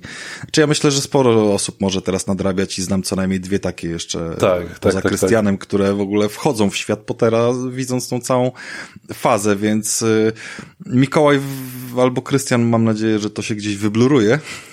Niech tam komuś to nie będzie y, złym spoilerem. Wypiszczymy to będzie. Piii! To jest w ogóle najokrutniejszy spoiler. Pamiętam, że książki, które były gdzieś tam przed premierą yy, pobierane z internetu, przybiegali ludzie i, i psuli ludziom. Jezu, tak. tak, czekanie na, na kolejkę w nocy do, do, do tego wszystkiego, właśnie wykrzykując ten spoiler, więc to jest, to tu grubo Tomek poleciał. No nie no, wiem, dla no, mnie to nie jest spoiler. To, to, było, to, to był tak spoiler niewybaczalny. Stare, że... Znaczy nie, to, tak, to był spoiler niewybaczalny, tak. No, ale, ale jakby rozumiem oczywiście kwestię, no, że po tylu latach to się też nie dajmy zwariować, nie? I, i zakładamy, natomiast, że to wszyscy... Natomiast chciałem jeszcze tylko dopowiedzieć a propos tego, tego doku, e, no bo e, pierwszoroczniaki, czyli teoretycznie my też tam powinniśmy być, no ale, no ale dołączyliśmy jako, jako piątoklasiści, pierwszoroczniaki przybywają do Hogwartu w inny sposób niż wszystkie inne roczniki. Mianowicie przyjeżdżają e, tym pociągiem Hogwarts Express e, do stacji po drugiej stronie jeziora od e, Hogwartu i tam w nocy wsiadają na łódki i płyną przez jezioro po ciemku. Więc wyobraźcie sobie takich jedenastolatków spenianych. Pierwszy raz w ogóle idą do ogromnej szkoły, w ogóle bez rodziców, bez nikogo znajomego. Potem po nocy wsiadają na łódki, gdzie nie ma jakby oświetlenia, nie ma nic i płyną przez to I jezioro. I łódki płyną same w ogóle. Łódki płyną same, docierają do tego boathouse'u, a tam z buta jest tyle schodów do wejścia, zanim dotrą do tej tak. sali głównej. W ogóle co za, kto miał taki szalony pomysł, żeby jakby takie kocenie jakby zafundować pytanie, na dzień Pytanie dobry. za 100 punktów czy oni, bo tam były, jeszcze był ten, oprócz Boathouse'a była jeszcze przystań podziemna. E, tak, ale to było osobne, to było osobne. Ja myślę, że oni, oni docierali jednak do tego Boathouse'u. No tak to wyglądało wcześniej. W każdym razie, no tak to zostało zaprojektowane. Ogólnie bardzo mnie rozśmieszył jeden z dialogów, który dzisiaj y, miałem, bo, bo, bo też już jestem gdzieś tam prawie, że na samym końcu biegałem sobie z jedną postacią i byliśmy w jakichś yy, kopalniach i weszliśmy na parę schodków yy, do góry. Takich, wiecie, no, no, no, parę, powiedzmy, że w przełożeniu na nasze to na trzecie piętro, nie? I on mówi, o Boże, od tych schodów to mi zaraz tam już coś, nie? Jakby wiesz, kurwa, ale przecież w Hogwardzie trzeba się tyle nachodzić tych schodów, że to jest dramat, a ten, wiesz, tutaj miał nagle, wiesz, w kopalni trzy słowa i, no, serio podziwiam to, jakby tam wszyscy powinni mieć zaczarowane. Ale, yy, jakby już, jak już rozmawiamy właśnie o Hogwarcie, po przemieszczaniu się po nim i tak dalej, chciałem nawiązać też trochę do kwestii technicznych tej gry. Yy, I tutaj jest nierówno. Ogólnie, o ile sam świat Hogwart, yy, wszelakie miasteczka, wioseczki, lasy i tak dalej, jest cudownie. To wygląda pięknie, mimo takiej bolesnej cross-generacyjności tej gry. Widać, że to absolutnie nie jest żaden next gen, tu nie ma w ogóle o czymś takim mowy. Natomiast projekt sam w sobie jest absolutnie rewelacyjny. Za to techniczne kwestie, no tutaj wiele, wiele rzeczy można by zrobić lepiej. Na przykład to, co wam pisałem na grupie, że gra kompletnie sobie nie radzi ze zmianami planu oświetlenia, jakby tak. Czyli przykładowo, jak wchodzimy. No ale to w tym trybie ray tracingu, bo wydaje mi się, że. Y, ale w każdym to widać, wiesz? Y, w ray tracingu widać to najbardziej. Owszem, masz rację. Y, bo ja dzisiaj w ogóle, znaczy ogólnie ja, że tak powiem, z recenzenckiego obowiązku gram w kilku trybach. Wcześniej kilka godzin grałem właśnie w 30 FPS-ach z ray tracingiem. Później z 3-4 godziny pograłem w tym zrównoważonym w 40 FPS-ach. A teraz wróciłem do 30, ale już dla, dla odmiany bez ray tracingu. Jeszcze nie sprawdzałem tylko trybu wydajności, czyli 60 FPS-ów. Mm. I mnie osobiście najlepiej póki co gra się w 30 FPS-ach bez ray tracingu. Yy, bo wtedy ta gra wygląda naprawdę dobrze, zyskuje taką ostrość dodatkową, głębię, yy, wszelakie tekstury są lepsze. Mam wrażenie, że właśnie jest wyższy dystans rysowania tych detali. Yy, no, ale właśnie, te przejścia, na przykład wchodzimy z zewnątrz do środka, to nagle widzimy, jakby, nie wiem, tam w środku był pożar i wszystko było totalnie zadymione. Taka szarość totalna ogarnia. I dopiero po chwili nam się doczytuje jakby takie oświetlenie w środku, tak? Tak samo nieraz yy, wychodząc yy, na zewnątrz mamy totalne jakby oślepienie, jakbyśmy dostali flashbanga na twarz. A i dopiero po chwili właśnie doczytuje się ten model oświetlenia, tak? Więc to mogłoby być zrobione zdecydowanie lepiej bo bywa to takie trochę wybijające z tego, z tego klimatu. E, trzeba wspomnieć też jakby o braku mimiki postaci praktycznie, że to jest poziom powiedzmy Alexa, jeśli chodzi o, o dialogi, jeśli chodzi o animację powiedzmy tych dialogów, ale za to ogólnie, kiedy na przykład, mimo że widzimy, że to nie jest next-genowa oprawa, no kiedy w pierwszy raz w takiej odpowiedniej, fajnej porze dnia wyleciałem sobie na miotle poza Hogwart i się zatrzymałem i zobaczyłem właśnie ten majestatyczny, gigantyczny zamek i gdzieś tam w oddali majaczące Hogsmeade, yy, chmury przetaczające się po górach, jakieś promienie słońca przebijające przez te chmury, no to to jest właśnie ta magia. Ten świat jest naprawdę piękny. I, i tam jest naprawdę dużo miejsc, które po prostu powalają na kolana swoim takim rozmachem i taką baśniowością to jest, to jest coś pięknego, no ale warto wspomnieć właśnie o tych, o tych problemach technicznych tej gry.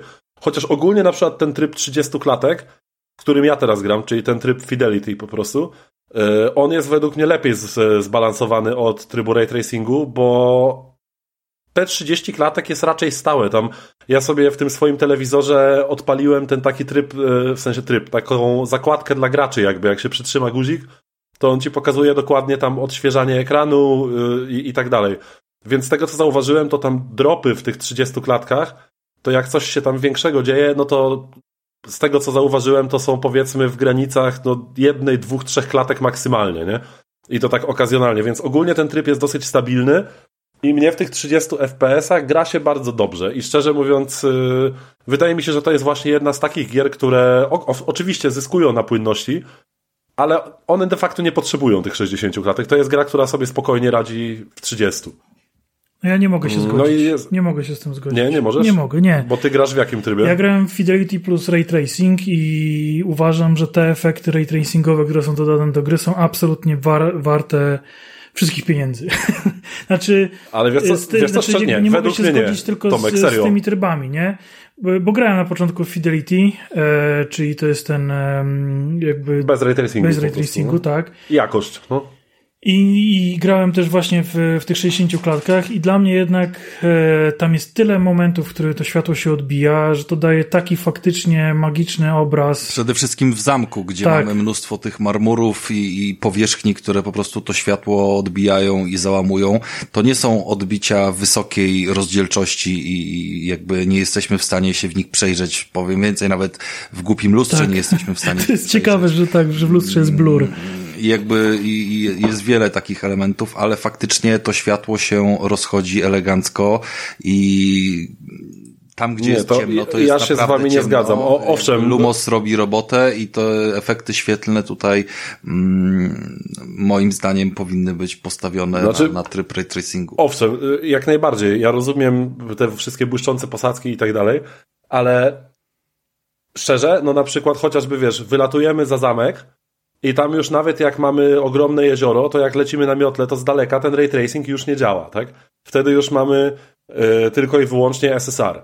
Natomiast w samym zamku, owszem, ja jestem zachwycony tym, jak tam jest ta gra świateł zrobiona i to naprawdę potrafi wyglądać Tylko, że w fenomenalnie. zamku spędzasz 70% czasu. I Tak, ale słuchaj, potem, Rafał, wiesz, ale przede wszystkim ja zacząłem zauważać, nie wiem, czy ja się zrobiłem jakimś wybrednym chujkiem, ale zacząłem zauważać takie rzeczy, jak te ray tracingowane nawet odbicia potrafią być niedokładne.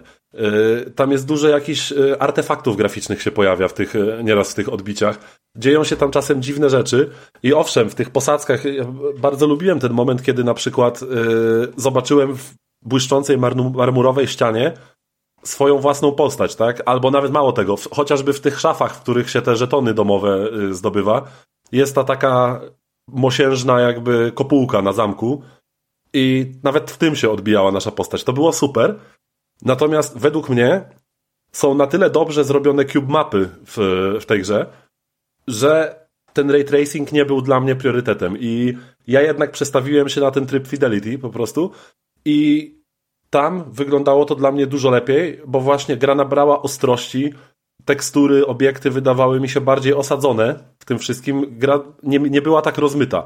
I ja chyba zostanę przy tym, ale zobaczę jeszcze. Może włączę sobie jeszcze ten ray tracing. Poza tym jeszcze muszę sprawdzić tryb 60 klatek. Mm, Co do grafiki, to Ale chyba no, ważne o- jest to, że to jest Unreal Engine 4, nie? tak, no to i widać już, że to może jest też- też leciwa to- już to dosyć technologia, nie? o tym, że, że jednak nie jest to na piątce, tylko jeszcze na czwórce i, i tutaj to może mieć wpływ. Natomiast uważam, że jak na, na grę w otwartym świecie, to, to dużo rzeczy jest zrobione bardzo dobrze. I, Tak, i oczywiście, nawet, jak najbardziej. e, Takie rzeczy jak, jak, jak te zaklęcia, e, czy, czy coś, co bardzo późno właściwie się pojawia, czyli e, jakby zderzenie dwóch różdżek, em, że jakby dwa promienie się krzyżują. Mhm. No, no. E, Fani e, Ghostbusters muszą wyjść na chwilę. To, to, to, jest, ten efekt jest kapitalny.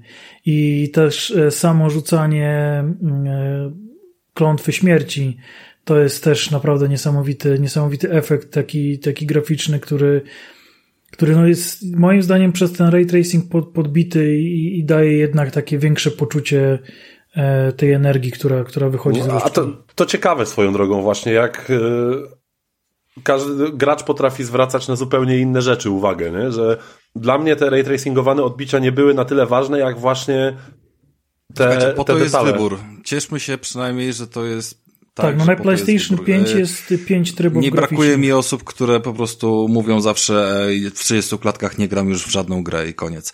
Ja chciałem Krystiana wywołać w tablicy, bo on coś o trybach graficznych miał do powiedzenia i pamiętam, że Właśnie, tak. To może być dość ciekawe. się. Krystian, powiedz mi, ile trybów graficznych jest na Xboxie? Bo coś narzekałeś na ten temat. E, Na Xboxie jest akurat 18, ale ja korzystałem tylko z trzech. E, Słuchajcie, e, ja chciałem tylko właśnie coś tam o tym dopowiedzieć, ponieważ znalazłem sobie jakieś tam ciekawe ustawienie tej gry, jak najlepiej optymalnie w nią grać, żeby wyciągnąć z niej jak najwięcej, tak? No wy na tych swoich konsolach nie możecie, ja akurat mogę, bo mam Xboxa i na Xboxie grałem akurat w, w Harry'ego Pottera.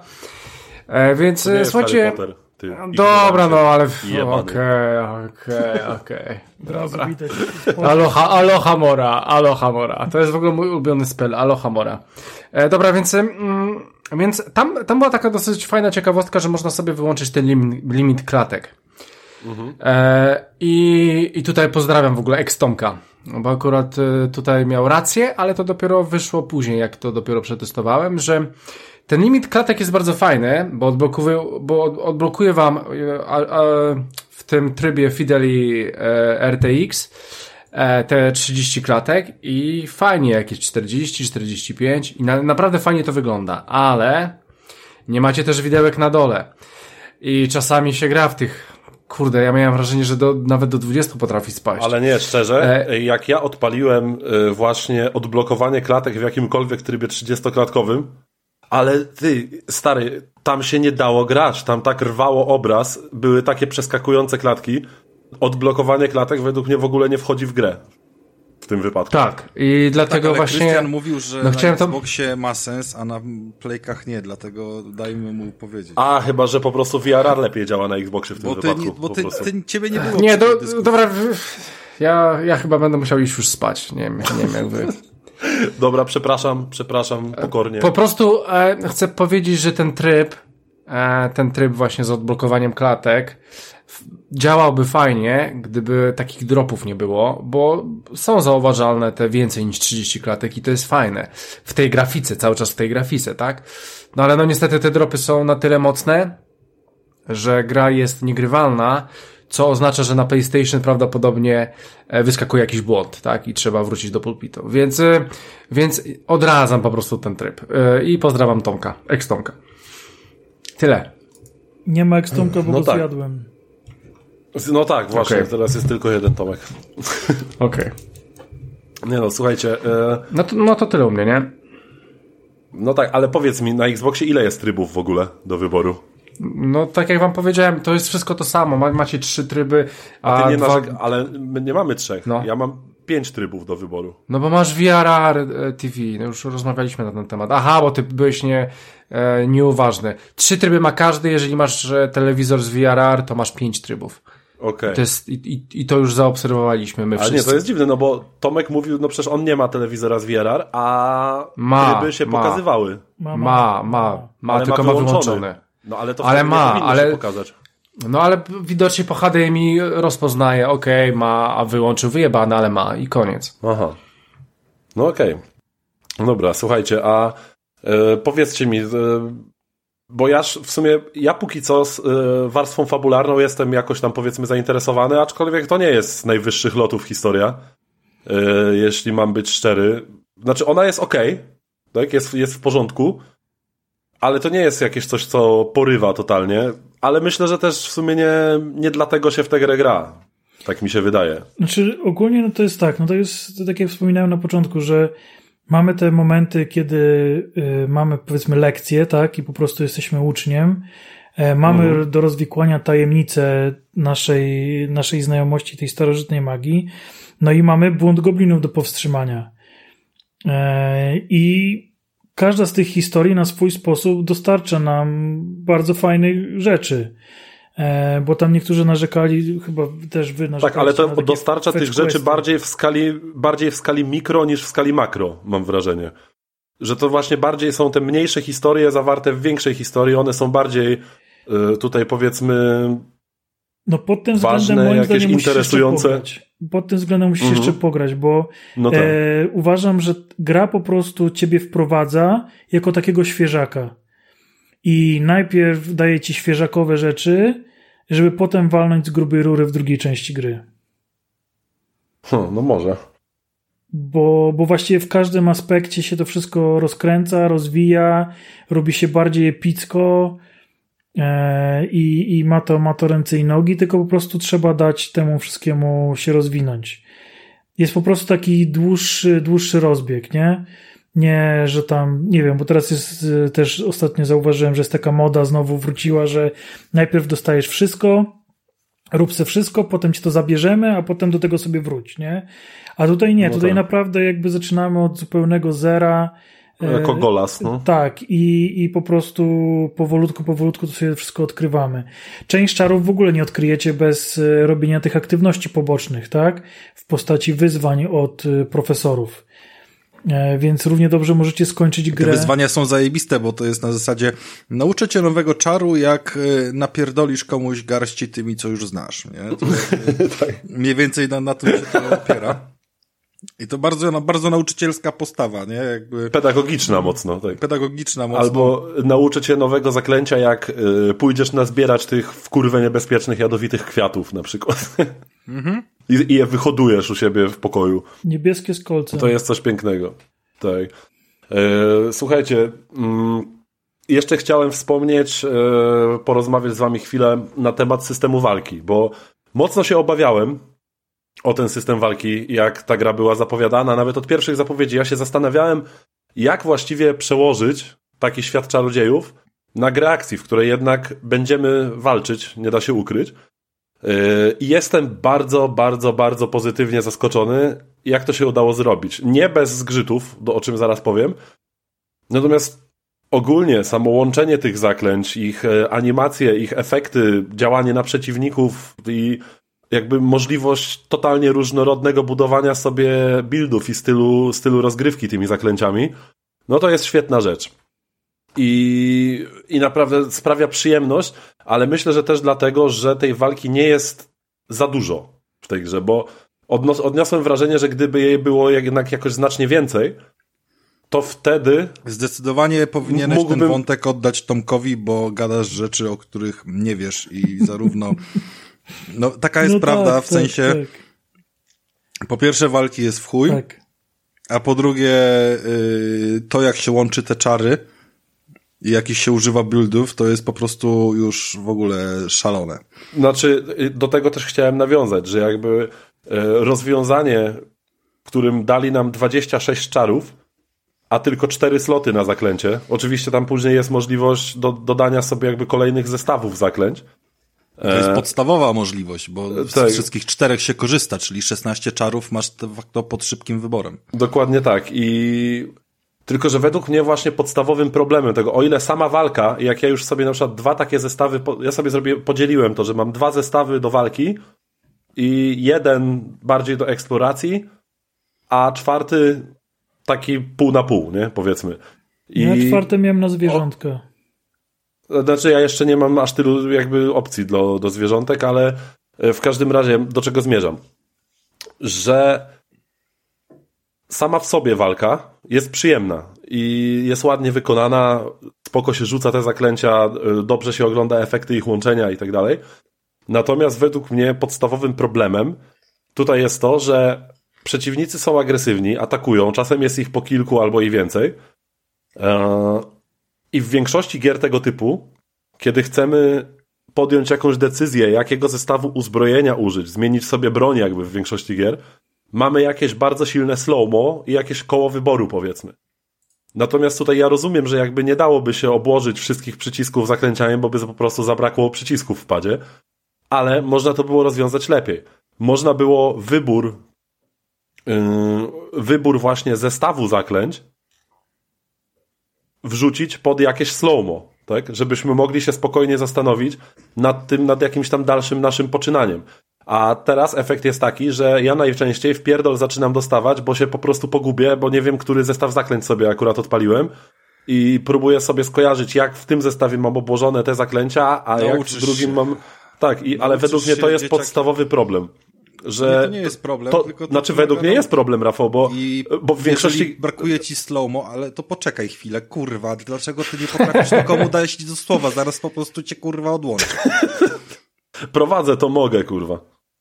Masz slowmo, bo sobie możesz w każdym momencie kliknąć strzałkę w prawo i możesz sobie kurwa nawet do kibla iść tak. w międzyczasie i, nawet nie jest slow sobie wszystkie czary. Czasu no i, i na czterech zestawach możesz sobie kurwa momentalnie zrobić wszystkie regulacje takie, jakie potrzebujesz, bo może potrzebujesz. Tak, ale mi chodzi o połączenie ich z walką, jakby to. Ja nie chcę wychodzić do menu, żeby sobie podpisywać czary, tylko chodzi mi o łatwą opcję, tak jak zmiany broni, zmiany no tego masz, zestawu masz, czarów, masz żeby to było broni. płynnie zaimplementowane tak w walkę. To jest tak jak kiedyś grałeś w Quake'a na klawiaturze i wciskałeś raz, dwa, trzy, cztery, pięć, sześć, siedem.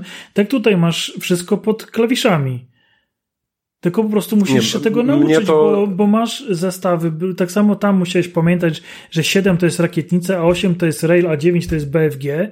Tak tutaj musisz się nauczyć tego, że y, w tym zestawie pod trójkątem masz y, czar ognia, w tym zestawie masz y, napierdalanie ostrzami, no i nie, tyle. Jakby ja rozumiem, że tego się można nauczyć. Jakby... Nie, ale powiedz mi, czym to się różni? Czym to się różni, ale że tam, sterowania, że tam sterowania w Big Rigs też się można nauczyć. Był przypisany do czegoś, a tu wciskasz jakiś klawisz, który jest przypisany do czegoś.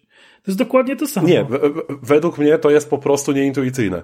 I to powinno być rozwiązane tak jak w większości gier, że po prostu na przykład pod lewym bumperem masz lekkie slow-mo i sobie wybierasz kółkiem po prostu zestaw zaklęć. Ale Mikołaj... I to by, i to by było dużo sensowniejsze. masz wybór przedmiotów, które możesz użyć w grze. Pod prawym Tak, masz... ale tam chyba nie można wybrać też jednocześnie sobie yy, tego zestawu. Musisz to robić trzymając trzymając różdżkę w górze, trzymając R2 i wtedy naciskasz D-pad, tak? Wybierając sobie zestaw czarów. No tak. No, no tak. Tylko, że wtedy nie masz żadnego spowolnienia i ja najczęściej dostaję w pierdol, bo się zastanawiam, co teraz chcę zrobić. No to, I trzymam słuchaj, tę no różdżkę w górze to znaczy, i muszę, i stary, i muszę, i muszę oderwać kciuk od drążka, który odpowiada za ruch żeby wybrać sobie czar. Ale to zrób rolkę. To, to, jest, to, to jest według mnie błąd projektowy tego, tego systemu Nie, walki. bo to jest dynamiczna I- i- walka. i jak- To jest walka, w której. Okej, której ale ja tylko się mówię, że jak dla mnie po, można to było rozwiązać lepiej i bardziej intuicyjnie. Mnie się po prostu nie podoba, tak, to, to rozwiązanie. Super, O ile ogólnie walka masz- jest super, ale- Dobra, To- ale to jest te, te, upierdliwe. Te argumenty są inwalidą, bo jak masz... kurwa, ty, ty jesteś inwalidą, no ja, ja mam takie kurwa odczucie i tyle. Ja nie mam problemu, kurwa, z przejściem gry, no jakby... A ja nie mam problemu z przejściem gry. Ja mam po prostu problem z tym, że to bywa dla mnie upierdliwe i tyle. No dobrze, no to sobie pokombinuj z takimi ustawieniami, które nie będą ci jakby... Zrozum, jesteś jeszcze wcześniej, na początku w tej grze. Jeżeli masz yy, czary, no nie wiem, przykładowy build, który ja mogę ci podpowiedzieć. Jak masz czary mm, niewybaczalne, to ich rzucenie zajmuje więcej czasu, bo masz krótką animację. I tak samo jest y, animacja przy używaniu y, tych mocnych, y, naładowanych ataków. Wyrzucasz wszystkie czary z tej puli, bo one potrzebują czasu na y, doładowanie się. Wyrzucasz wszystkie czary z jednej puli, przełączasz się na drugi zestaw, dorzucasz kolejne cztery i masz pięknego kombosa i jak ktoś jeszcze się podnosi, to wtedy sobie wrzucasz y, z powrotem pierwszy zestaw albo ewentualnie trzeci i ich tam dobijasz i to można wszystko Tak, staram się, staram się tak robić, ale Tylko, że nadal... nie da się tak robić na tym etapie, na którym jesteś, bo dopiero tam ledwie wiesz. Znaczy nie, no ja już mam zapełnione, ja już mam zapełnione wszystkie cztery zestawy, nie? I, Rozumiem, I czasem to, to jest po jeszcze- prostu upierdliwe. To może być w jakiś tam sposób, wiesz, zajmujące, ale powiem ci tak, jeżeli sobie porównamy, jak wygląda walka, jaką ma dynamikę od samego początku rozpoczęcia starcia do końca mm, w Hogwarts Legacy. I takie nagranie, załóżmy, porównamy sobie do nagrania walki z Horizona, gdzie się napierdala, ale po drodze zmienia broń. Raz, drugi, trzeci, wybiera pułapkę, piąty, siódmy i za każdym razem jest slow-mo i za każdym razem jest ten efekt zatrzymania czasu i spowolnienia, to wygląda ona po prostu na jak, jak, jak dziurawa, tak? Jak z jakimś trybem, nie wiem, ułatwienia, jakby to było, wiesz, włączone z, w opcjach dostępności. No, znaczy tutaj rozumiem, rozumiem do czego ty zmierzasz. Tak. Wiesz, no naprawdę, no jakby ja wiem, że to potrafi się zamotać, bo jeżeli masz na przykład pod strzałką w dół leczenie się i jeżeli nie puścisz wtedy różdżki, żeby wypić eliksir do leczenia, to włączysz sobie zestaw, który służy do głaskania Tak, no, zwierząt. o właśnie, o właśnie i jeszcze do tego chciałem nawiązać, że mu, mi chodzi tylko o samo rozwiązanie tego. Ja nie mówię, że sam pomysł na zmienianie zestawów czarów jest zły, bo jest fajny, jest dobry. Ale chodzi mi o jego egzekucję, wykonanie, tak? Że, o, chociażby to, że ja się regularnie łapię na tym, że po prostu nawet lekko nie zdjąłem po prostu palca do końca ze spustu i ja zamiast zrobić rolkę, zamiast się przerolować i zrobić unik, to rzucam zaklęcie z danego zestawu, tak? Bo jest po prostu, trzeba trzymać ten trigger i powiedzmy, chciałem, zmieniam sobie zestaw czarów i chcę od razu zrobić unik, ale po prostu mam jeszcze problem z tym, że zamiast robić unik, to po prostu rzucam zaklęcie z tego nowego zestawu, którego nie chciałem akurat rzucać, tak? Czaisz o co chodzi? Że według Tak, mnie jest po prostu źle rozplanowane obłożenie przycisków przy tym konkretnym systemie walki. I to jest dla mnie jakiś tam problem i trzeba o tym wspomnieć, bo podejrzewam, że nie będę jedyny, tak? Tomek, Nie, nie mam słów w ogóle, nie? Tomkowi odjęło mowę. Nie no, nie, znaczy, nie no, bo kurczę, no nie, nie, nie wiem. Z jednej strony napierdziela w tego Evil Westa i wszystkie klawisze mu działają i, i wszystko, cały mu system walki działa, a potem tu ma taki miły, sympatyczny system, który faktycznie może sobie jakby skustomizować pod siebie, fajnie sobie rozplanować, dodać różne czary, bo przecież trzeba powiedzieć jeszcze, że przeciwnicy stawiają różne tarcze i trzeba być na to przygotowanym, że jakby czary są z trzech, y, te takie ofensywno, ofensywne czy tam defensywne, ale związane z walką są w trzech kolorach i też przeciwnicy stawiają sobie różne tarcze w różnych kolorach i trzeba ich potem ściągać róż, e, adekwatnymi czarami kolorystycznie, ewentualnie przedmiotem z, z, z leżącym na ziemi. I trzeba to wszystko sobie po prostu fajnie, fajnie zgrać, ale, ale te, te czary są tak. Znaczy nie wiem, może, może jeszcze to wyczuję, że, że... Ale, ale póki co. Czy ja ma... doszedłem do takiego momentu, w którym po prostu niszczę ich, pomimo że jeszcze nie mam awady kedawry i, i, i wchodzę i robię im takie kombosy, że. No ja dokładnie miałem to samo. Mała, nie? Że tak, ja też Więc... mam takie momenty, że jak mi dobrze wejdzie ta walka, wiesz, akurat nie, to, to, to złapię dobre dobre. flow. To jest jakby, to, to nie jest kwestia, że dobre. To jest kwestia, że ty wchodzisz do pokoju z dziesięcioma śmierciożercami i mówisz, o chłopaki. E, Czemu was tak no. mało? Sebek, Sebek, zostań za drzwiami, nie? Jakby ja, ja tu, ja to posprzątam. No, jakby, no dobra, no ale to, to każdy jest, ma jakieś nie, tam swoje odczucia po prostu. No. To jest twoje odczucie moim zdaniem po prostu wynikające na moment 15 godzin rozgrywki, który masz i to jest fajne, że ta gra ci daje moment rozwoju, w którym czujesz się koksem. Tak. E, I faktycznie, że się rozwinąłeś, a nie, że cały czas pomimo tego, że poziom, jakby wrogowie są skalowani. No spoko, natomiast, e, natomiast jakby to... Jak ja rozumiem, że, że to może działać, może u mnie też zadziała, ale na ten moment, i to nie jest tak, że ja mam 3 godziny gry, mam 15 godzin gry i dalej mam z tym problem, więc tak, jakby postanowiłem, stwierdziłem, że chcę o tym wspomnieć, tak? To jest właśnie, Normalne. to jest niesamowite, bo wiele tytułów y, działa w ten sposób, że najpierw na ciebie zrzuca całą mechanikę, a potem właściwie tylko zwiększa HP przeciwnikom i, i, i baw się, nie? A tutaj właściwie do mhm. samego końca ta gra się rozwija. Czyli, że ja... system walki cały czas ewoluuje tak, tak naprawdę, bo dostajesz cały nowe czas, możliwości. No cały tak. czas robisz nowe możliwości. Ja się nauczyłem jednym z ostatnich y, czarów, który y, odkryłem, to jest transmutacja. Mm, tak że zmieniasz ich w coś, tam finisherem można tak, ich w bardzo późno się to jest piękne. Dostaje. Transmutacji się uczysz na końcu, a dodatkowo jak ją sobie odblokujesz na drzewku y, talentów, to zmieniasz ich nie w zwykłą skrzynkę, tylko w wybuchową beczkę. No. Jakby od, od tego momentu zaczynam walkę, jakby zmienił się mój system walki. Każdą walkę rozpoczynam od tego, że pierwszego typa a, no to to y, fajne. Y, zabijam, y, znaczy wiesz, zamieniam w beczkę i rzucam go w innego. Potem wiesz, A czym go rzucasz? Przyciągasz go sobie i depulso go wypychasz? Nie, czy... no R1, nie, R1. R1, bo on się w obieg zabawi. A, bo to jest... Okej, okay, ale zajebiste. Czyli, czyli tak obiekt, jak te nie? obiekty, co leżą potem, na mapach normalnie, co możesz potem, nimi zajebać w Dokładnie. Potem w drugiej kolejności biorę sobie jakiegoś tam najwyższego, wiesz, y, gamonia i, i rzucam Imperio i wiem, że on mi trzech innych gamoni wybije, bo będzie po mojej stronie. A walczył, czwartemu rzucasz jest... Expelliarmus i e, własną bronią jego, własną, jego, jego toporem zabijasz następnego. No po czym y, robię kombosa z y, czerwonych czarów polegającego na ogień, bomba i, i, i strzał jeszcze tam z czegoś. No jakby... No to tak, no to sumie to, co teraz to, powiedzieliście, to było takie piękne podsumowanie właściwie systemu walki, można powiedzieć. No i jakby wchodzisz, dzieje wiesz, się. Ale, ale po drodze jeszcze jak tam się coś wsiada, jakby ja staram się, żeby w każdym y, z czterech czarów, w każdym slocie zawsze mieć jeden czar, który jest związany właśnie z jakąś tarczą, czyli nietypowo do walki, ale jednocześnie jednocześnie zadające jakieś obrażenia. Mamy mm, jeden czar, który uderza wrogiem o ziemię. Mamy drugi czar, który gościa y, zamraża, daje mu to jakby krytykalne, krytykal obrażenia od razu.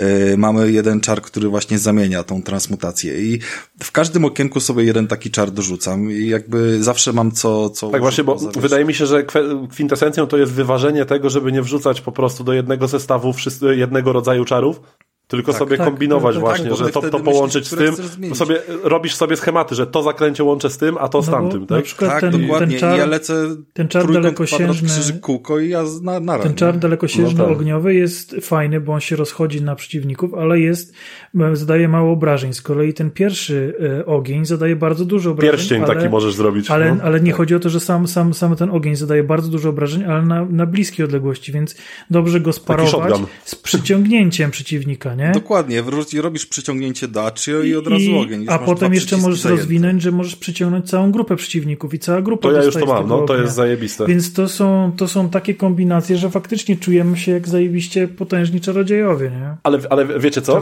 W ogóle właśnie tak, co mi przyszło do głowy w trakcie tej dyskusji, jakby pomijam te jakieś tam moje wąty, ale no wiadomo, każdy ma jakieś tam swoje rzeczy, które go wkurwiają w grach czasem. To, że coś może być obiektywnie dobre, ale kogoś będzie wkurwiać. Rozumiecie o co chodzi, tak? Ja myślę, że po prostu nie, nie, nie grasz na swoim ulubionym elicie, nie masz edge'a, wciskasz niechcący R2 i to wszystko. A swoją drogą akurat właśnie dzisiaj nawet pomyślałem, że to jest akurat gra, przy której przydałyby mi się chociaż te dwa przyciski dodatkowe. To prawda, przydałyby się. No właśnie, ale Czy w każdym razie... Mi się przydały do, do tego, żeby nie puszczać analoga odbiegania, rzucać alechomorę i... No o właśnie, brać, chociażby. Brać eliksir podczas... Yy no, Chociażby, w dół dokładnie. w lewo, te dwie bym Swoją drogą to już pomijam fakt, że według mnie jakby dodatkowe przyciski w padzie to powinien być już na każdej konsoli standard od kilku lat, co najmniej.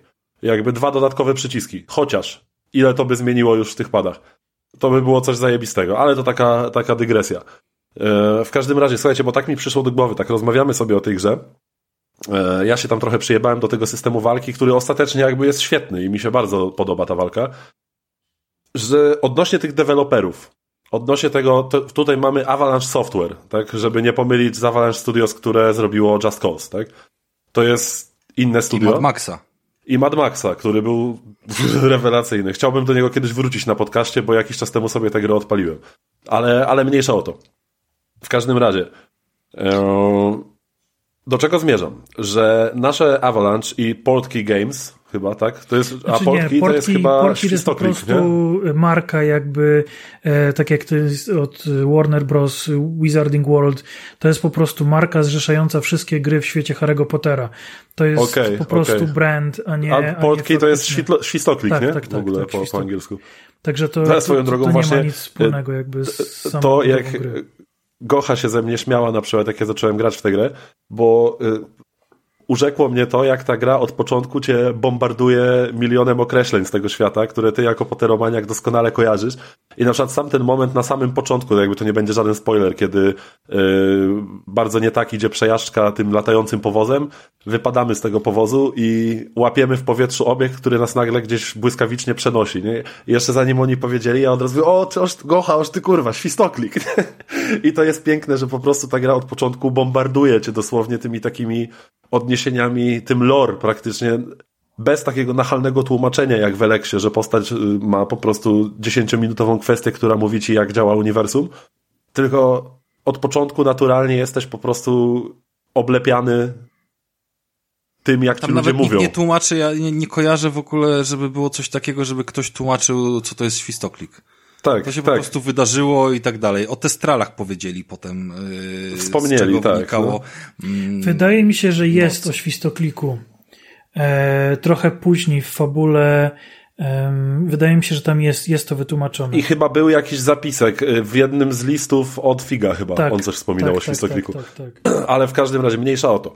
Do czego ja cały czas piję, że ci deweloperzy, oni wcześniej nie zrobili żadnej poważnej gry tak naprawdę.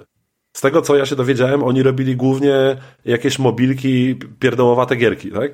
I co jest ciekawe, że Warner jako wydawca zdecydował się powierzyć tak kurewsko ważną grę, która od początku się jawiła jako praktycznie objawienie dla fanów tego uniwersum, że powierzyli tę grę takiemu niedoświadczonemu studiu.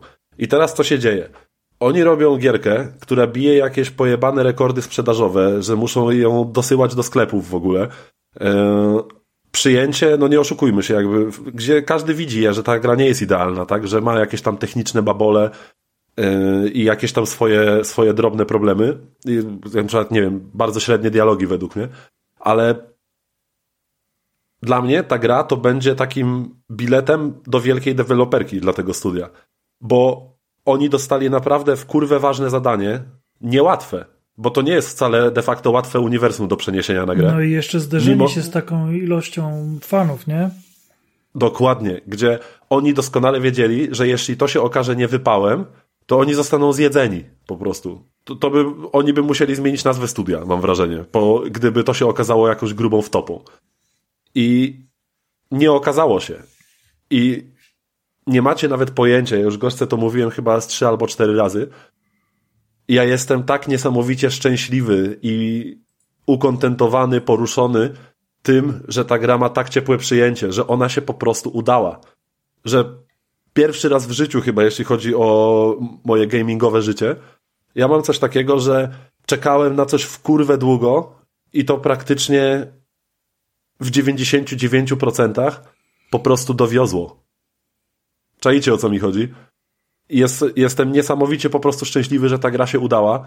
I jakby no tak podsumowując już, bo już dobijamy do 2,5 godzin, bo się udała, prawda? Jakby można ją kupić za, peł, za pełną cenę na, za 330 zeta i nie pożałujecie ani złotówki. Bo chodzi o to, że nawet jeśli nie jest się fanem, powiedzmy, Harry'ego Pottera, tego uniwersum, to jest po prostu świetny RPG akcji, który się broni sam. Przynajmniej jak dla mnie przez te 15 godzin. Ja praktycznie, no jak zacząłem grać w tę grę wtedy, y, jak mi ją przywiozłeś, pograłem trochę, później musiałem iść do pracy i nie macie pojęcia, jak ja bardzo odlekałem moment pójścia spać, bo po prostu nie chciałem. No, ja później następnego dnia to jest właśnie ta magia, trochę jak w Soulsach momentami miałem, że później w robocie ja chodziłem i cały dzień myślałem tylko o tym, gdzie pójdę, a może pójdę sobie zobaczę do wielkiej sali, a może wejdę na jakąś wieżę, może znajdę jakieś przejście, albo wykonam, nie wiem, jakieś fabularne zadanie. Coś pięknego. Jakby tak tytułem mojego podsumowania. Przy wszystkich wadach tej gry ja nie jestem w stanie jej po prostu nie pokochać. Bo Avalanche po prostu dowiozło absolutnie magiczny i jedyny w swoim rodzaju tytuł. Ktoś jeszcze chce coś dodać? Krystian może coś, coś, coś doda. No, fajnie mi się grało te dwie godziny, trzy. No. E, gra wygląda bardzo ładnie. E, prawdopodobnie tak sobie myślę, a znam siebie, chyba już jej więcej nie odpalę. Ha, no proszę, ciekawe. Dlaczego? Znaczy nie, no bo jest dużo bardzo fajnych tytułów. Ja czekam na, na ten tytuł, który czekam i on zaraz, zaraz wjedzie i po prostu nie ma mnie i mam wyjebane na wasze Aloha, Aloha Mora i, i to wszystko. Poza tym e, na, nadrabiam wiara i po prostu no, znaczy, no, wiem, no nigdy nie, nie tak byłem, nie jestem i nie będę. Zostało rzucone Imperius, więc woli grać na tak. VR niż, niż e, na swoim na Xboxie w Hogwarta, który się tnie. O Jezu. E, znaczy, nie, to nie jest też prawdą, po prostu... żonie, no jakby w tym momencie i ona gra w e, Hogwarta, a nie podzielą się tą grą, bo na starych jeszcze nie ma, nie? Więc jakby to jest też kwestia wyboru takiego... Nie no, oczywiście. Który nie jest i nie należy do niego, nie? Znaczy, to jest normalka, no, że masz jakiś priorytet, powiedzmy, w grach, które ogrywasz, a szczególnie, no mam, powiedzmy, mam, nigdy niestety nie... mam. No właśnie o to chodzi, że mów, mów. i to nie jest jakby absolutnie nic jakiegoś tam złego czy nieprzyjemnego, bo nie czekałeś na tę grę jak, y, jak po prostu miliony właśnie takich frików jak my. I to wiadomo, jest zrozumiałe, ale, że, ale... że, ktoś, kto się wychował z tymi książkami, zupełnie inaczej do tego podejdzie niż ktoś, okay, na Dobra, okej, okay, już. Neutralna. Poczekaj, poczekaj, bo chcę coś powiedzieć. Po pierwsze, wychowałem się z tymi książkami i książki były super i zawsze twierdzę, że książki były super. Film to jest jedna rzecz. E, spoko. Druga rzecz jest taka, że odpaliłem tą mapę i zobaczyłem, o, syndrom Assassina i sobie stwierdziłem, nie, no nie mam tyle czasu, żeby się pierdolić z tą grą, więc sobie ją po prostu odpuściłem, bo mam ważniejsze po prostu cele. To jest niestety gra, w której się wchodzi Ale i wiesz co, Krystian, potrzebujesz jakby... na nią bardzo dużo czasu, chyba, że jesteś Tomkiem i wpierdalasz ją w tydzień. Ale słuchaj, I Tomka też pierdala. Ja się z tobą nie zgodzę w tej kwestii, no że, że syndrom sorry. asasyna syndrom asasyna, to jakby tutaj według mnie to nie ma kompletnie pokrycia, bo dla mnie syndrom Znaczy, ale bo chodzi mi mapa, najebane wszystkiego, o to mi chodzi, wiesz. Posłuchaj, co ja chcę ci przekazać jakby, że y, syndrom asasyna to dla mnie jest nagłe wyżyganie znaków zapytania, pod, których, pod którymi nie wiesz, co się kryje. Na każdym kroku się na coś praktycznie natykasz. Natomiast tutaj nie masz znaków zapytania. Jak masz kawałek mapy już odkryty, ty nawet lecąc na miotle jesteś w stanie rzucić sobie Revelio i jak już kojarzysz ikony, co jest czym, pokazuje ci ich nagle kilka, sporo, ale ty już je znasz i dokładnie wiesz, co chcesz robić, a czego nie chcesz robić. A podstawowym problemem dla mnie z asasynami, które zresztą były jakby kilkukrotnie większe i wymagały, nie wiem, 100 godzin, a nie 30, 40 czy 50. Najnowsze asasyny tak. No właśnie, ale, starsze, ale, ale słuchaj, aż nie tyle. Gdzie tam ja marnowałem niezliczoną ilość czasu na aktywności, które mnie nie interesowały. Natomiast tutaj tych aktywności jest mniej, jest ich odpowiednio dużo, ale każda jest zajmująca przez to, jak wykorzystuje właśnie mechaniki i tak dalej. Każda z tych aktywności nie zajmuje ci jakoś strasznie długo, jest zajmująca, a i właśnie wiesz, czego się spodziewać, lecąc w jakiś punkt na mapie, który sobie zaznaczysz. I to jest dla mnie właśnie podstawowa różnica w dobrze zaprojektowanej grze. Okej, okay, może być tajemnica, że nie wiesz, co się tam kryje, ale można to opisać, nie wiem, siedlisko potworów albo ruiny, czy coś takiego. I chcesz, wtedy wiesz, decydujesz, czy chcesz popenetrować sobie lochy, czy chcesz powalczyć. I to jest właśnie dla mnie po prostu ważny punkt w dobrze zaprojektowanej grze i tutaj to mam, że ja nie tracę czasu na pierdoły, które mnie nie interesują, tylko zazwyczaj jak chcę sobie poeksplorować, mieć tajemnicę, to jestem dobrze prowadzony, umiejętnie. I to jest podstawowa przewaga nad tym, co mówisz, ale oczywiście jakby ja cię tu nie będę, wiesz, próbował przekonać. Ale to są coś. godziny, godziny. Tomku, 40 godzin zajęło cię, ale 45. 40 godzin zajęło mi zrobienie tej gry ze wszystkimi zadaniami i ze wszystkimi challenge'ami, nie? Więc to nie jest coś, co ty musisz zrobić. To jest jak... No właśnie, no właśnie, to jest 40 20, godzin. To jest, 40, to jest 40 godzin. Nie, nie mam tyle czasu, sorry. No tak, czyli Krystian woli krótsze gry po prostu. Znaczy nie, po prostu zaraz wezmę. Wiedźmina, podejrzewam. Zaraz wezmę się za duży tytuł, nie chcę na razie o nim mówić. I po prostu wiem, że, że będę w niego grał długo. I nie będę rozdrapywał Harry'ego Pottera, bo do niego nie wrócę. I wiem, że no do niego nie wrócę, jak go zacznę. Może do niego wrócę, jak będę miał więcej czasu, dlatego go tylko zacząłem, wybrałem. E, wybrałem sobie Slytherina i sobie po prostu popierdalam, ale, no tak, bo, ale nie wchodzę głębiej. bo zielony. Ale dalej nie wchodzę, bo to mija się z celem, bo się znam. Nie, kumam, Krystian, totalnie. Jakby absolutnie rozumiem. Ale e, Natomiast już tak mówię, podsumowując, jest, jest niesprawiedliwe. Totalnie krzywdzące dla tej Ale ja nie mówię, że Assassina po prostu mapa jest nastrana główienkami. Od razu jak sobie patrzę na taką mapę, równa się Assassin. Może nie najnowsza, ale nawet stara Assassiny niech będzie. Cztery mapy miały takie rzeczy. No chodzi mi o to, że odpalam mapę i widzę mnóstwo tego rzeczy. No, ale to jest to w tym świecie, no jakby nie to jest Assassin w świecie Harry'ego Pottera. Chcecie, żeby tak było? No nie, no po prostu tak, tak, tak powiedziałem, tak? 25 godzin to jest mniej niż God of War. No, to jest prawda. Ale God of War to jest God of War, a Harry Potter to jest Alohomora i cześć. No dobra, to generalnie tym prostackim akcentem e, będziemy pomału, pomału kończyć. Słuchajcie, no jakby wiadomo, nikt nie musi, jak nie, nie czekaliście, to też warto spróbować według mnie. Oczywiście jak znaczy, macie czas. Poczekaj, to, to jeszcze sprostuję. Poczekaj, to jeszcze sprostuję. Gra naprawdę jest fajna, bo pograłem w nią. Wygląda zajebiście, jest fajna. Myślę, że dla fanów Harry'ego Must Pottera have, pozycja obo obowiązkowa, dokładnie tak. Moja żona jest tym zaerana w chuj.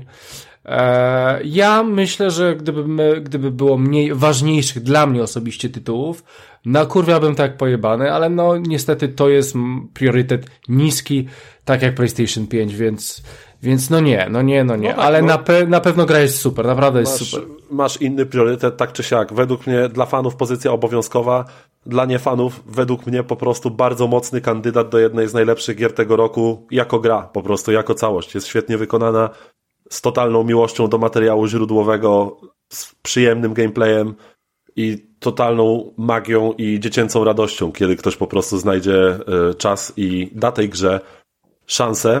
Nie, no ja po prostu Więc zajebista robota na Avalanche. z radości, nie? Przy, dokładnie, przy, przy dokładnie tak. W wielu momentach po prostu zachowywałem się jak dziecko, które, które czy, taką ma czystą, czystą, niczym niezmąconą radość zrobienia z, czegoś fajnego, z jakiegoś spełnienia swojego hobby e, i odkrywania, odkrywania tego świata, bo, bo naprawdę jest tam wiele, wiele rzeczy, które, e, które no, no po prostu dają, dają taką czystą radość. Otóż ja, to. Ja wam powiem tylko to, co na pewno Tomek mnie w tym mocno y, wesprze i potwierdzi.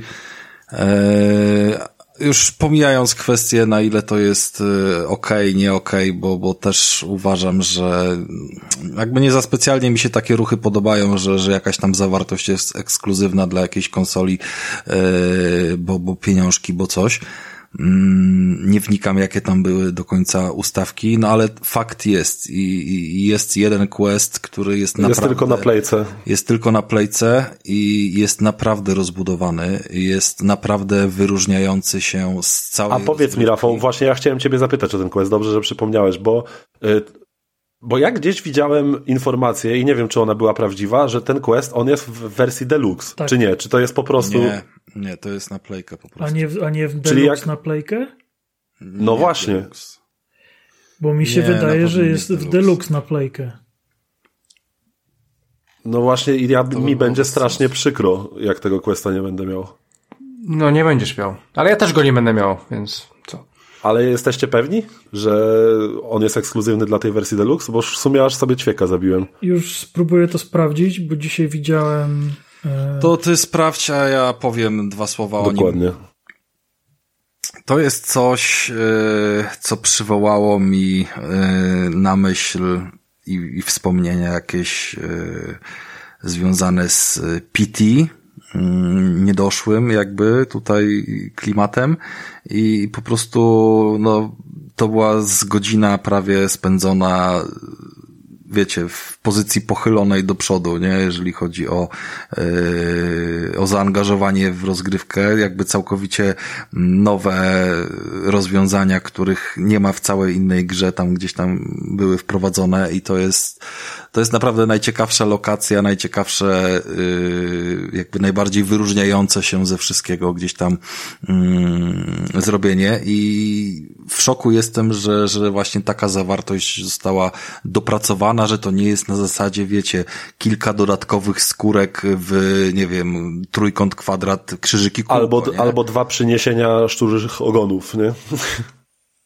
Dokładnie, bo tak by się to można było spodziewać, no a tu jest Około coś naprawdę fajnego. Około godziny mi zajął ten quest. No, Wracając, też, mówię, godzina, e, półtorej. I sprawdziłem, jest dostępny dla wszystkich graczy na PlayStation, tak. niezależnie od priorytetu. Ja jestem, nie ja jestem ciekawy, Ale później, będzie... później będzie Mikołaj, dostępny też na Xboxie.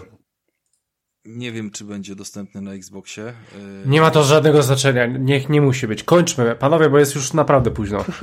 Dobrze, kończmy. No więc właśnie, tak. Yy... No mamy już 2.40 na haku, tak? Więc... Tak, będzie dobry, długi, soczysty No ile można pierdolić o tej grze? No jeszcze, ile można Ja jeszcze dwie godziny mógłbym pogadać. Też mógłbym porozmawiać, jeszcze dużo rzeczy nie powiedziałem. Świetnie. Odcinek, będziemy pierdolić o tym więcej niż trwają te jebane filmy. Ostatnio no obejrzałem, słuchajcie, już gadamy dwie i pół godziny. niż Krystian w to grał. Tak jest. A wiesz, że... Może nie, wiesz co, kreator postaci, e, długo się z tym nie bałem, o, wiesz, no to tam... Tam, tam No więc właśnie, ja kończę teraz te zapasy, słuchajcie, 230 e, odcinek bezimiennego, E, emocjonujący, na koniec się zrobiło gorąco, ale było grubo. 230 odcinek, 15 lutego o godzinie 11 mm, zakończamy nagrywanie. I tak, prowadziłem dla Was ten odcinek ja, Mikołaj Weiser. Ze mną byli w naszym bezimiennym studiu Rafał Radomyski. Dzięki wszystkim, cześć.